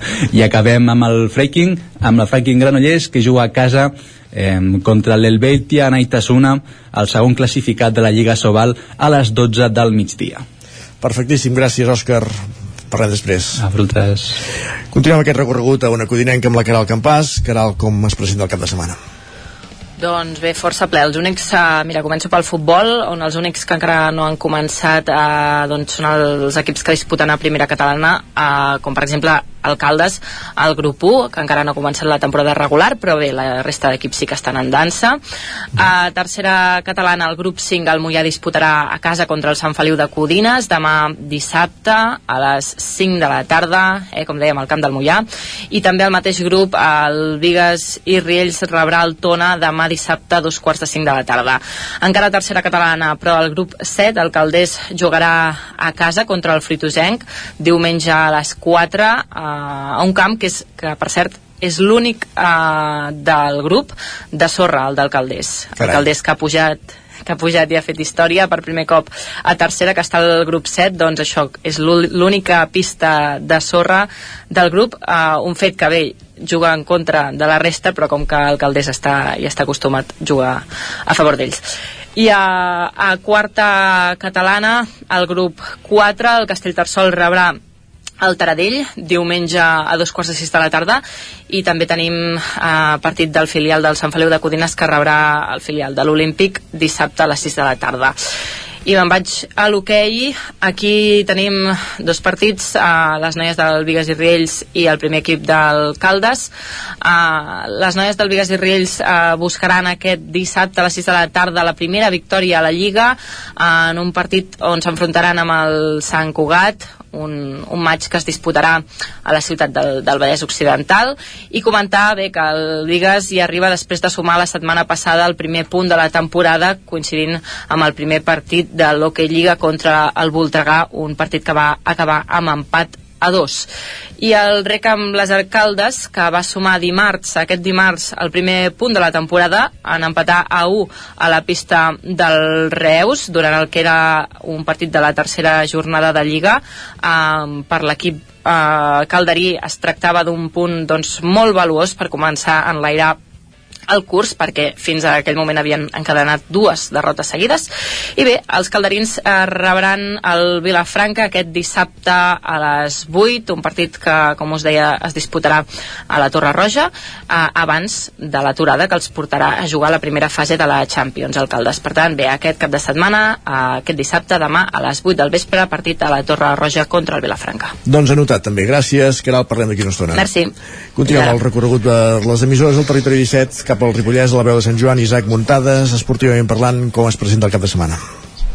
Bé, ja es comencen a activar una mica les competicions. Uh, si us sembla, comencem per al futbol, que ja sabeu que va començar la setmana passada, el grup 18 de la tercera catalana, en una jornada que ben d'hora, ben d'hora, acollirà el primer derbi entre equips ripollesos, aquest derbi entre el Camprodon i el Camp de Bànol. El partit es disputarà al camp de la vila de Camprodon aquest dissabte a dos quarts de cinc de la tarda i, i com sabeu doncs el Camprodon ve d'empatar el primer partit mentre que el Nou sí, va, sí que va aconseguir els 3 punts en la seva estrena. Per tant, un duel important que si guanyés el Canal, per exemple, ja situaria el Camprodon un dels favorits de l'ascens de 5 punts. Per tant, eh, derbi important. Eh, la Badesenc jugarà a casa a les 4 de la tarda contra la Cellera. Els dos equips van empatant la primera jornada, per tant, necessiten la victòria per escalar posicions a la classificació i estarem pendents de veure què fan els Sant Joanins. En hoquei, okay, Club Ripoll s'estrena a la Lliga de Nacional Catalana aquest dissabte a dos quarts de vuit del vespre, en un partit que l'enfrontarà al Noia B. El Ripoll estarà en un grup de vuit equips en una primera fase doncs, on els quatre primers lluitaran per l'ascens amb els quatre millors de l'altre grup i els quatre pitjors de cada grup doncs, ho faran per al descens. L'objectiu del Ripoll, evidentment, és mantenir la categoria. I per acabar, dir-vos que el segon festival de Hike and Fly, organitzat pel Club Vol Lliure Serra Cavallera, on hi havien de participar una cinquantena de parapentistes aquí a Sant Joan de les Abadeses, sí. doncs s'ha hagut de suspendre pel mal temps que està previst aquest cap de setmana i, com es va dir, doncs s'ajorna per al següent, el de l'1 i el 2 d'octubre.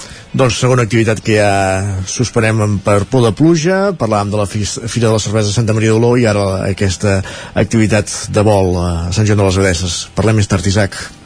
Fins ara. I acabem el recorregut als estudis del 9FM avui amb en Jordi Sunyer. Com es presenta els, el cap de setmana esportivament parlant, Jordi? Ja cal que plogui, eh? Perquè si no, això d'anul·lar no, cites exacte, abans sí, d'hora, a vegades, però bé, bé, bé. En principi no se n'anul·la cap per previsions meteorològiques de les que citarem. Doncs Arrencarem, va, per l'Hockey Lliga, que ja està en marxa, i aquest cap de setmana hi tenim, bé, ja ho sabeu que aquest any només hi ha el Voltregà, eh? D'aquí posonenc a l'Hockey Lliga, i dissabte, a dos quarts de vuit del vespre, visitarà la pista del Calafell. Recordem que aquesta setmana va sumar la primera victòria a casa contra l'Alcoi i aquest Voltregà pinta bé, pinta bé doncs a la pista sí, sí. del Calafell aquest dissabte, dos quarts de vuit del vespre una altra oportunitat per sumar 3 punts. Uh, recordem que Lliga Plata no ha començat, però el que comença aquest cap de setmana és la Lliga mm, catalana d'hoquei i bé, en aquest sentit doncs, curta, eh? Són... sí, aquesta és molt curteta eh? doncs en aquest sentit el Taradell visitarà aquest divendres a 3 quarts de 10 del vespre a la pista del Tordera i el Vic dissabte a 2 quarts de 8 del vespre rebrà el Vendrell en aquesta Lliga Catalana Plata que s'inicia aquest cap de setmana i que s'acabarà res, és pim-pam-pum com bé dius, és, és molt ràpid tot plegat, però vaja, arrenca aquest cap de setmana. Més propostes, parlem ara de futbol, anem a la tercera federació, on aquest any tenim el Tona, que ha arrencat sí. de forma extraordinària, ara mateix és tercer sí, a la Lliga, sí, amb una victòria i un empat, i aquest diumenge a partir de dos quarts d'una del migdia l'hora és certa, eh? és una hora tardot eh? perquè sortir, vaja, és anar a dinar a les 3 però és el que hi ha, diumenge a dos quarts d'una el Tona rebrà el Vilassar de Mar, que en teoria seria un rival entre cometes eh, per oh, sumar. Ha començat fort, eh? Sí, sí, eh, Sant, clar, va Sant Andreu, amb el Sant Andreu i l'Hospitalet, que són dos dels favorits a l'ascens, el Vilassar no seria tan favorit a l'ascens, però bé, el Tona, que tindrà una bona oportunitat per seguir sumant, i això serà diumenge a dos quarts d'una del migdia dia. I no deixem el futbol, anem ara al femení, a la primera divisió nacional, al grup 3, i tenim competint el Vic Riu Primer, que també ha començat bé la Lliga, i aquest cap de setmana a casa el Municipal d'Esports de Vic, diumenge, a partir de les 4 de la tarda, doncs rebrà la visita del Riu Doms. Això serà, recordem-ho, eh, diumenge a les 4 de la tarda al Municipal d'Esports de Vic. I un parell de punts així molt ràpids, sí. eh, després de 15 anys d'obres, invents, endarreriments, aquest cap de setmana obre el pavelló de Call d'Atenes. Això sí que és l'obra de la Seu. Sí, això és l'obra de la Seu, però sembla sembla que s'ha acabat, eh? I qui no s'ho cregui pot anar a la jornada de portes obertes que es farà dissabte a partir de les 10 del matí fins al migdia per comprovar que, que és cert, que es pot entrar dins, que hi ha pista i que fins i tot s'hi poden practicar esports. Uh, hi haurien altres activitats, però si et sembla uh, ho deixarem aquí, les principals les hem repassat com sempre. Perfecte, Jordi, moltíssimes gràcies. Fem una pausa i, i descobrim música. Avui un clàssic musical dels Smiths amb en Jaume Espunys. Tot d'aquí 3 minutets. Fins ara. El nou FM, la ràdio de casa, al 92.8. Coberta serveis funeraris els nostres tanatoris estan ubicats en els nuclis urbans més poblats de la comarca d'Osona per oferir un millor servei. Tanatori de Vic, Tanatori de Manlleu, Tanatori de Centelles i Tanatori de Roda de Ter. Sabem que són moments difícils i per això el nostre compromís és atendre-us en tot moment amb un tracte humà, sensible i respectuós. Cobertes serveis funeraris. Telèfon 24 hores 93 883 23 46.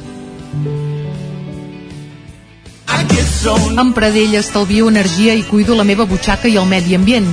Posa't en mans a Pradell, són experts en calderes de gas i condensació, estufes de pèl·let, energia solar, terres radiants i geotèrmia. Pradell instal·la calderes de biomassa per a particulars i per a empreses. Si vols estalviar un 50% en consum, contacta amb Pradell i passa't a les energies renovables. Pradell, som a l'Avinguda Països Catalans 27 de Vic. Telèfon 93 885 1197. Pradell.cat. Centre Auditiu Aural. Som al carrer Jacint Verdaguer 17 de Vic. Telèfon 93 883 59 79. Aural Vic, el camí cap a la millor audició i el benestar. Els dies 24 i 25 de setembre, vine a Herbalium, la fira del Jardí Botànic de Gombrèn. Vine a gaudir de tota mena d'activitats relacionades amb les herbes.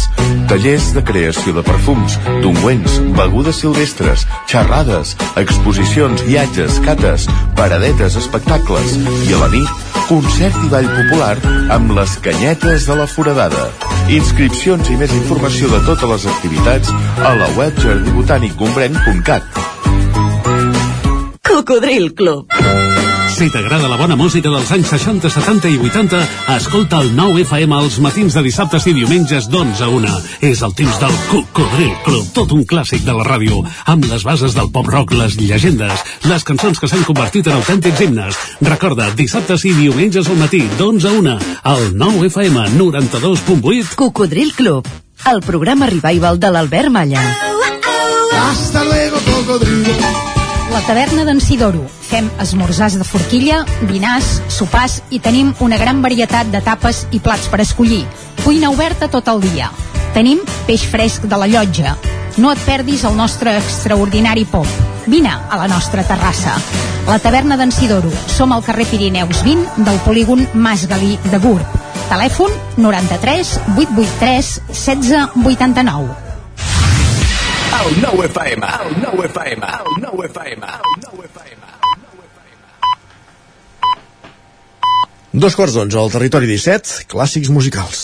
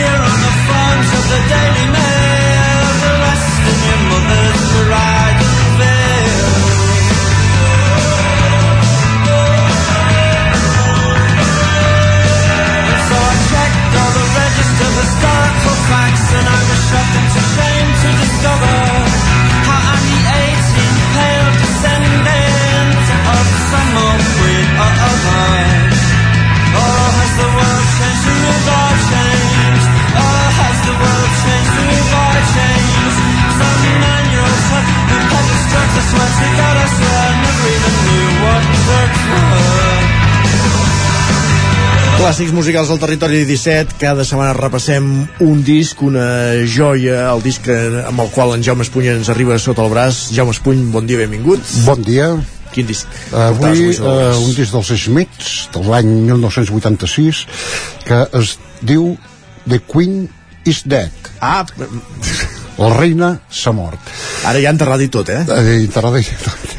I, he pensat, per posar una mica de punt i final a la parafernàlia d'aquesta mort, perquè no havia vist mai que durés tant uns funerals doncs... De fet, de fet sempre l'havies vist viva aquesta senyora tu Mana? que sempre l'has vist viva aquesta exacte, senyora. i mira que sóc gran eh sí, sí, sí. jo també uh, doncs, mira, aquest disc de Queen is Dead i aquesta cançó que estem sentint precisament es diu The Queen is Dead, la reina és morta eh, és una mica simbòlic eh, el títol i tot això perquè el que es parla aquesta cançó i altres de, dels discs és una mica la des, el malestar que hi havia eh, als anys 80 eh, el, el govern anglès que on hi havia la Margaret Thatcher doncs una mica simbòlic això, una mica doncs, de dir la reina és morta vull dir, tu, el, el país és mort i, bueno, i aquí amb els, amb els The Smiths un, de, un dels grans grups que,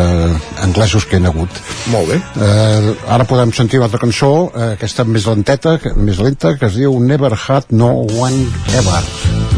When you walk without ease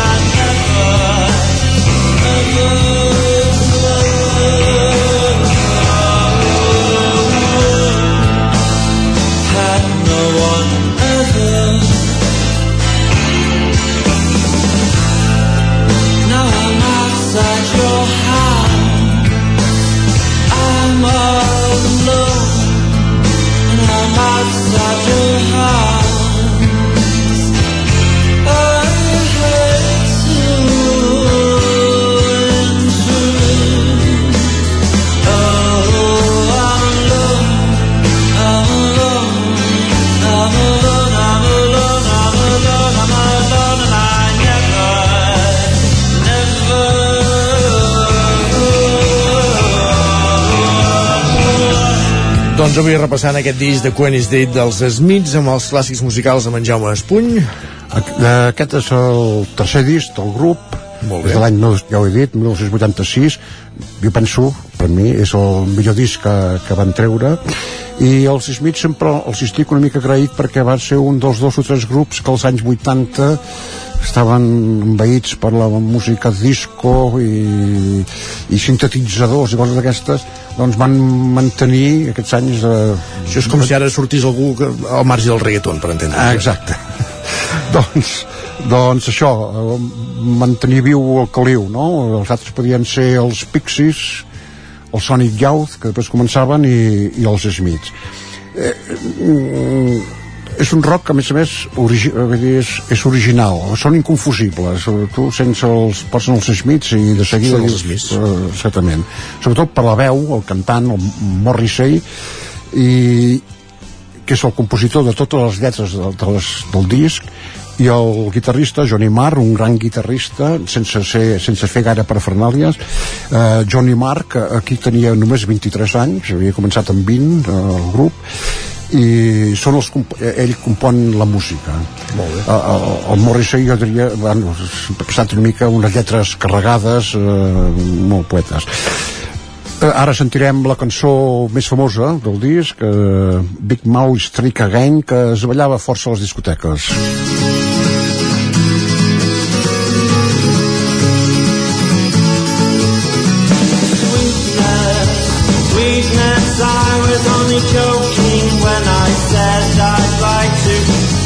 Every tooth in your head. Oh, sweetness, sweetness, I was only joking when I said by rights you should be bludgeoned in your bed.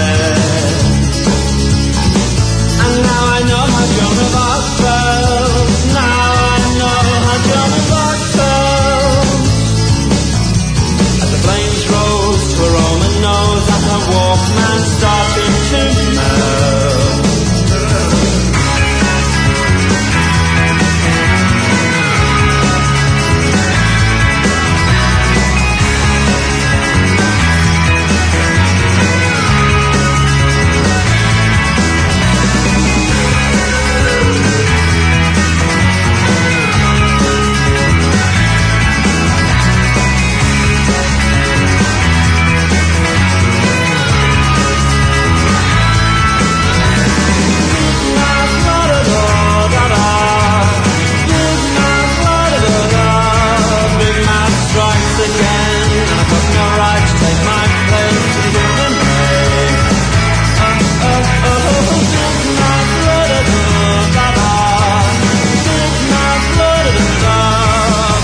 Als anys 80 era normal, eh? Posar cançons com aquestes a les discoteques ara em sorprendria més. Depèn quin... Ai, perdona. Per descomptat, per descomptat, sí, sí. Tot i que uh, sona molt bé, eh? Això no, que ningú mal interpreti, eh? Eh, sí, sí, no, a mi doncs, aquesta cançó més a més m'agrada molt va ser la més famosa eh, va, que va sortir en single i crec que és la, la més maca de totes eh, els mig per això com sempre van durar no, no són com els Rolling Stones que han durat tota la vida. Van durar 5 anys, del 82 al 87 i van deixar 5 discos tots junts. L'únic que després en solitari en Morrissey ha anat fent cosetes ha fet una carrera llarga que encara la fa. En Johnny Marr també però no tan famós ni molt menys. El Morrissey a més a més surt molt a la premsa perquè és de, té aquest discurs d'Anglaterra pels anglesos i prou immigrants, etc. No? Una mica bronces. Eh, va haver problemes amb la portada.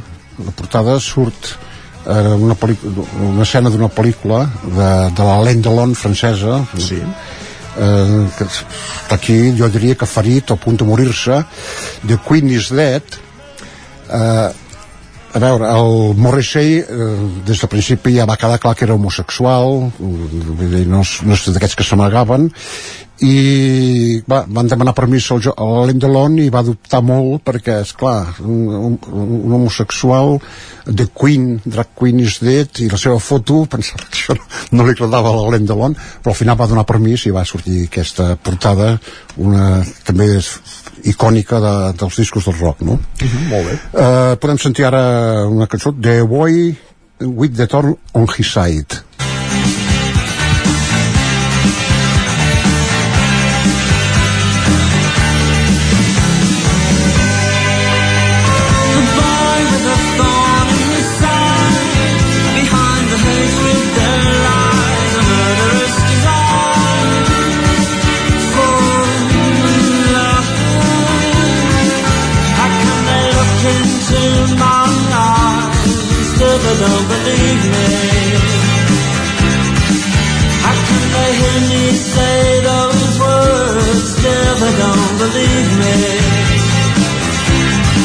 if they don't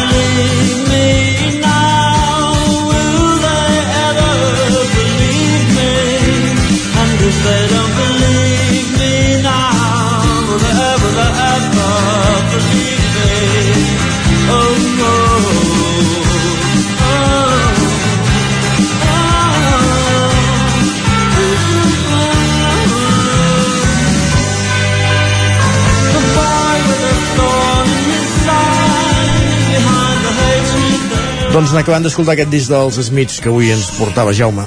Sí, uh, acabem amb una cançó que amb un títol molt llarg en anglès, com que la diré traduïda, que es diu Hi ha una llum que mai s'apaga. I amb això acabem els Smiths. Doncs moltíssimes gràcies, Jaume. Bona, bon cap de setmana i fins divendres vinent. Molt bé, fins divendres. Smiths, per, en aquesta secció del clàssic musical.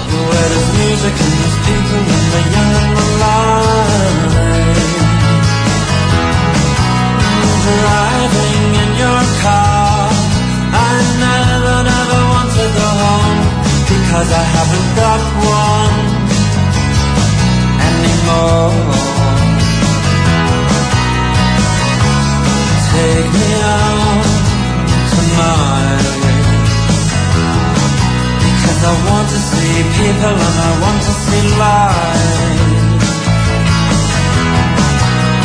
Driving in your car. Oh please don't drop me home Because it's not my home, it's their home, and I'm welcome no more.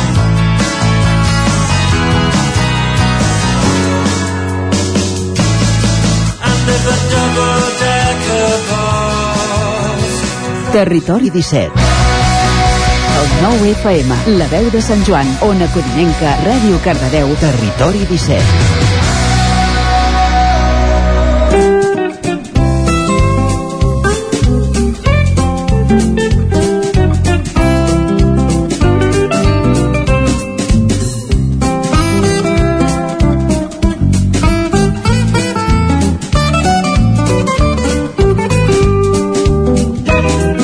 I avancem en aquest territori 17 cap al punt de les 11, l'hora en la que ho l'acabarem i ho fem a aquesta hora per rematar el programa els divendres sabent què ens depara el cap de setmana a les diferents comarques, als diferents territoris, als diferents pobles i ciutats de les nostres comarques. Un recorregut que el comencem, com cada setmana, als estudis de Ràdio Televisió Cardeu. Saludem de nou l'Òscar Muñoz.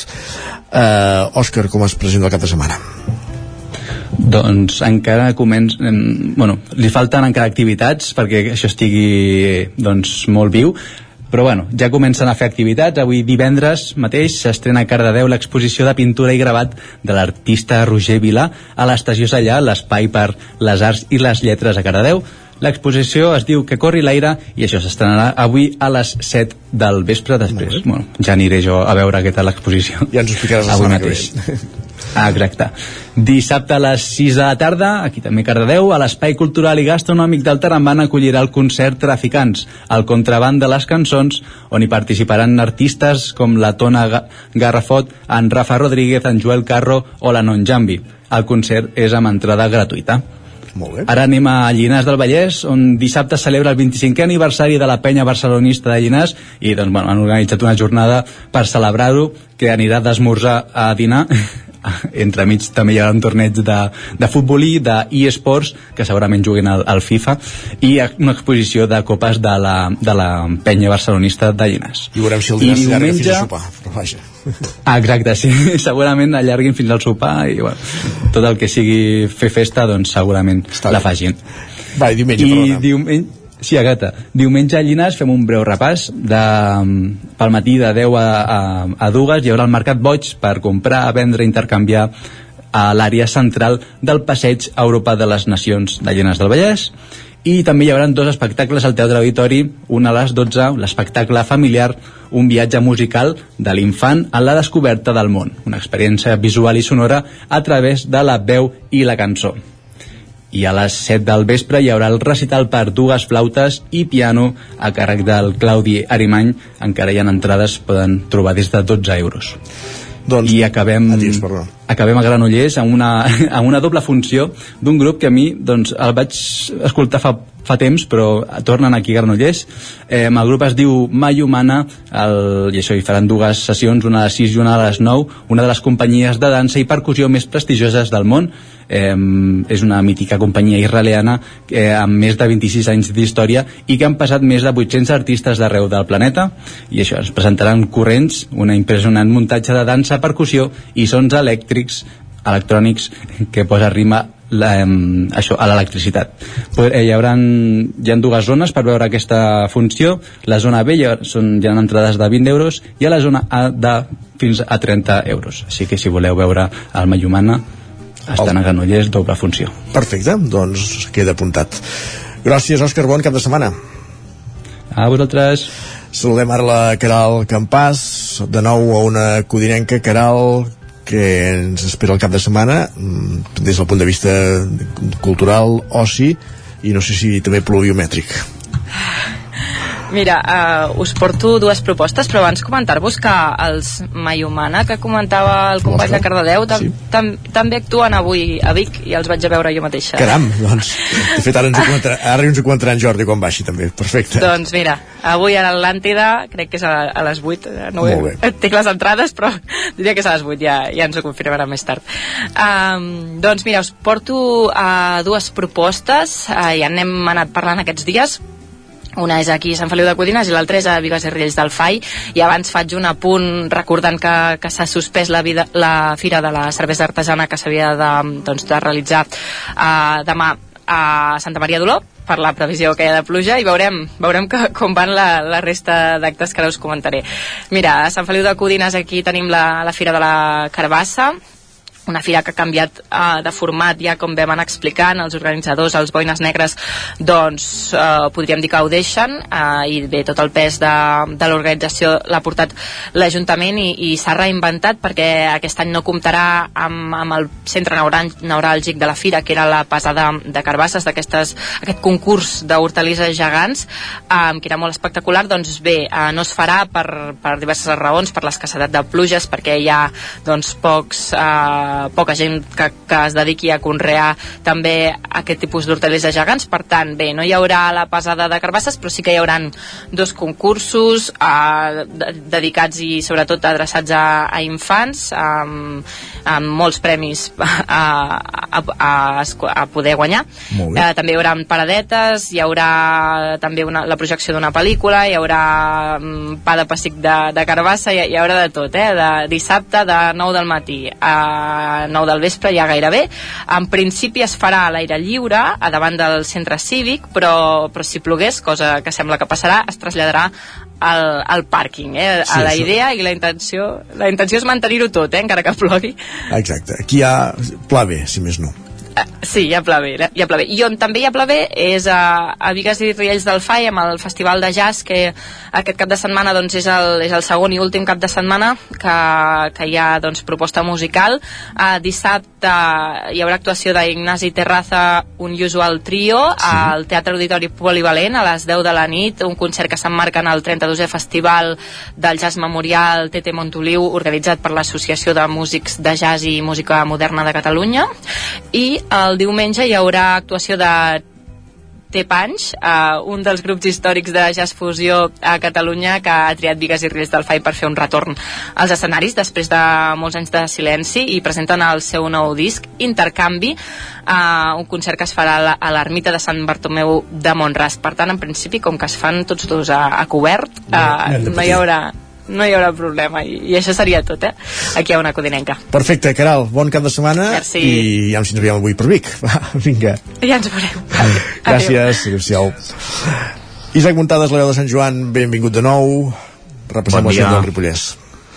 Uh, ve una mica condicionada també per, per la pluja. De fet, uh, per exemple a Sant Joan de les Abadeses aquest dissabte se celebrarà la festa del Grito per commemorar la independència de, de Mèxic perquè recordem que el compositor de la música de l'himne és el Sant Joaní Jaume Nonó però per aquesta previsió inestable doncs tota la festa se celebrarà al pavelló a partir de les 10 hi haurà parades de productes artesans i també un taller infantil Mi México Chiquitito i també trencament de pinyates. A dos quarts de sis es farà l'espectacle México és Mágico i després hi haurà uh, el Grito de la Independència amb la presència de la cònsul titular del Consolat de Mèxic a, a Barcelona, Clàudia Pavlovich, que es farà al Palmàs. Tot seguit eh, hi haurà el punt més àlgid de la festa amb, amb la tocada de l'himne nacional de Mèxic i també es ballarà una sardana, eh, un Sant Joaní a Mèxic de, de Ramon Oliveres i a les 8 hi haurà l'actuació del Mariachi Imperial. No tindran tants problemes amb la pluja a Ripoll perquè hi ha una carpa per celebrar la Fira Europea de, del Formatge, una carpa que s'ha instal·lat a davant de, de l'Ajuntament aquest dissabte i diumenge. Durant tot el dia doncs, hi haurà aquest eh, mercat del formatge i també un tas popular de formatges. Al migdia es farà el vermut formatger a l'Església de Sant Pere i a la tarda doncs, tornarà, eh, hi haurà un maridatge eh, i tas de formatges que es farà amb vi el dissabte i el diumenge amb cervesa. Diumenge a la tarda us hem de dir que hi haurà un taller de llana per nens també dins d'aquesta fira i que aquest any doncs, vindran 11 formatgeries, 5 de les quals són del Ripollès i 3 begudes. Uh, aquest divendres també uh, comença doncs, el, el Terra Gullut Film Festival, el Teatre Comtal de Ripoll acollirà a les 9 del vespre la sessió inaugural, que s'allargarà fins al 9 d'octubre. Durant l'acte es projectarà el film a competició de la secció de llargmetratges La pantalla andina de la directora catalana Carmina Balaguer i també el film El fons ja no viu aquí d'Alejandro Fabri i Dani Planes de la secció de curtmetratges. Es farà entrega de, del Premi Terra Gullut a la trajectòria audiovisual i de comunicació de manera pòstuma al periodista Josep Caballol i es presentarà Encantados, que és un projecte inclusiu amb llengua de signes a través de la música que comptarà amb la inauguració de la periodista Núria Martorell.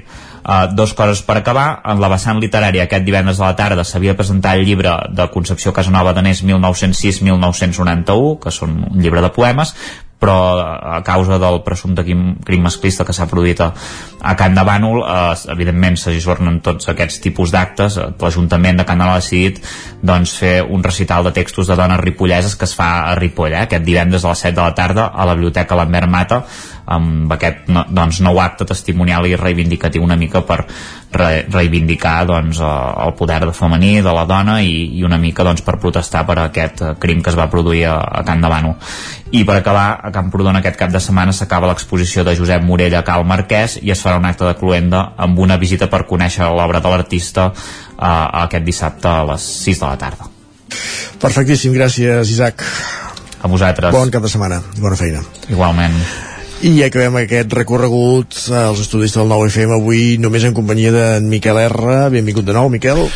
Molt bones. Bàsicament perquè venim d'un cap de setmana marcat de música viva i l'activitat cultural, diguéssim, suposo que està de ressac, eh? S'ha frenat. Correcte. Pel que faria pròpiament l'activitat cultural, eh, diguéssim, seria un cap de setmana pont, eh? a l'espera ja del cap de setmana que ve noves activitats, però sí que puntualment tenim el, algun eh, estaria bé destacar algun acte concret, per exemple a l'Atlàntida, que ara mateix d'aquí uns minuts eh, ens presenten també ja la propera programació de grans concerts, però arrenca el que seria la programació regular aquest divendres, els Mayumanà eh, aquest, aquest, aquest espectacle que, que, que ha recorregut ja per molts teatres de tot el món aquest, aquesta mena de musical eh, de percussió eh, creat eh, als anys 90 a Israel i que ara porta això, el seu nou espectacle, un, un espectacle singular que, que es diu que es titula Corrents, eh, que, és, que és, és una mica l'enfrontament eh, mític que van mantenir l'Edison i Tesla, eh, la seva rebelitat eh, i que, que marcaria diguéssim el futur de l'electricitat. Això serà aquest divendres a les 8 del vespre a l'Atlàntida de Vic. Amb la Caral Campàs d'espectadora i que es, es representarà també diumenge a Granollers en dues sessions, imagina't. Perfecte. El Humana aquest cap de setmana. Correcte.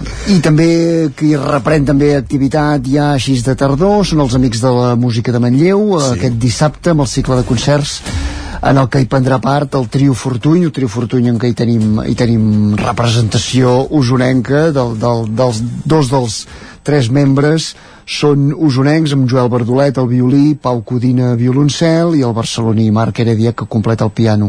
Això serà diumenge, dissabte perdó a, a la Fundació Antiga Caixa Manlleu a dos quarts de deu del vespre.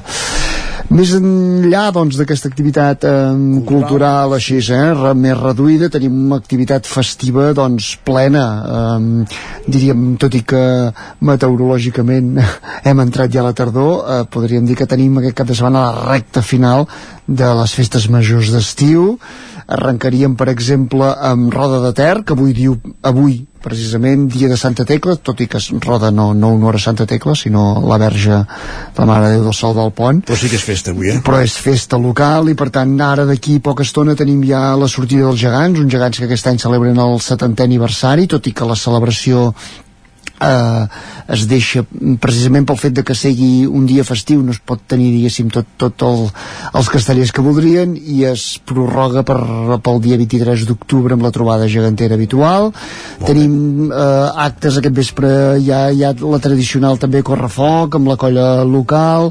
Dissabte tornen doncs eh, alguns dels actes que es van haver de limitar l'any passat en pandèmia com el Quinto Bike del Jovent el concert i ball amb l'Orquestra Meravella eh, l'estrena habitual amb el grup Arrels i el diumenge al vespre acabarà amb el concert de Pep Poblet i Joan Tena això roda però podem anar a Call d'Atenes on la festa va arrencar ja aquest dijous amb el pregó que va fer el grup local de l'Espardenya Teatre que aquest any commemora el 25è aniversari amb un pregó molt divertit ahir vespre i es reprèn també ja durant eh, tot el cap de setmana i fins dilluns actes per tots els gustos eh, això que dèiem eh, ja des de també eh, la la, el, sopar, el sopar i el concert de, de divendres el, el, el que també té molta tirada és el de dissabte al vespre així eh, més de Remember dels anys dels anys 70 i 80 el diumenge hi haurà una nova edició de l'Etour de Call d'Atenes aquesta pujada en bicicleta al Serrat el Vall de Tornaboda, per tant activitat intensa a Call d'Atenes. Molt bé, més festes. Més festes, Sant Pere de Torelló també arrencava aquest dijous. Ho va fer amb una cursa que sempre que, que es va estrenar l'any passat molt divertida, en diu el concurs d'esprints que és allò es tracta de córrer contra un controlador de radar que hi ha al mig del poble, intentar doncs fer-lo saltar, fer saltar correcte i enfilar-lo tant amunt com, com es pugui, també ella amb, una, amb pràcticament una cinquantena de participants.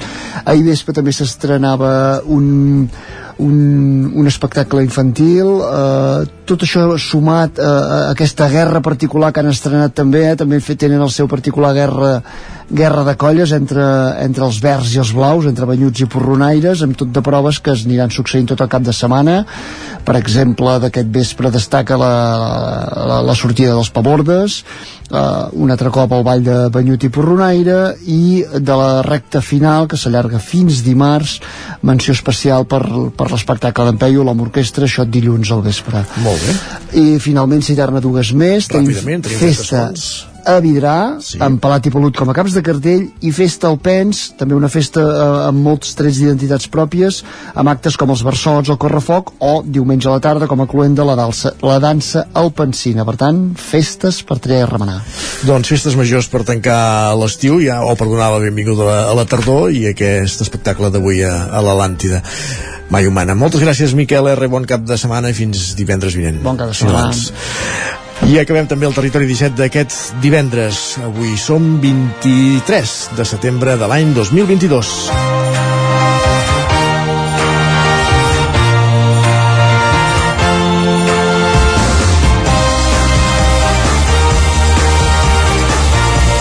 Un territori 17 que com cada dia arrencava a les 9 del matí en el qual us hem acompanyat des d'aquella hora Pepa Costa, Miquel R, Jordi Vilarrodat, Just Medina, Tom Falqués, Jaume Espuny, Òscar Muñoz, Isaac Muntades, Caral Campàs, Jordi Sunyer i Isaac Moreno. L'equip del territori 17 qui torna dilluns a partir de les 9 del matí. Fins aleshores, moltíssimes gràcies, bon cap de setmana i gràcies per ser-hi.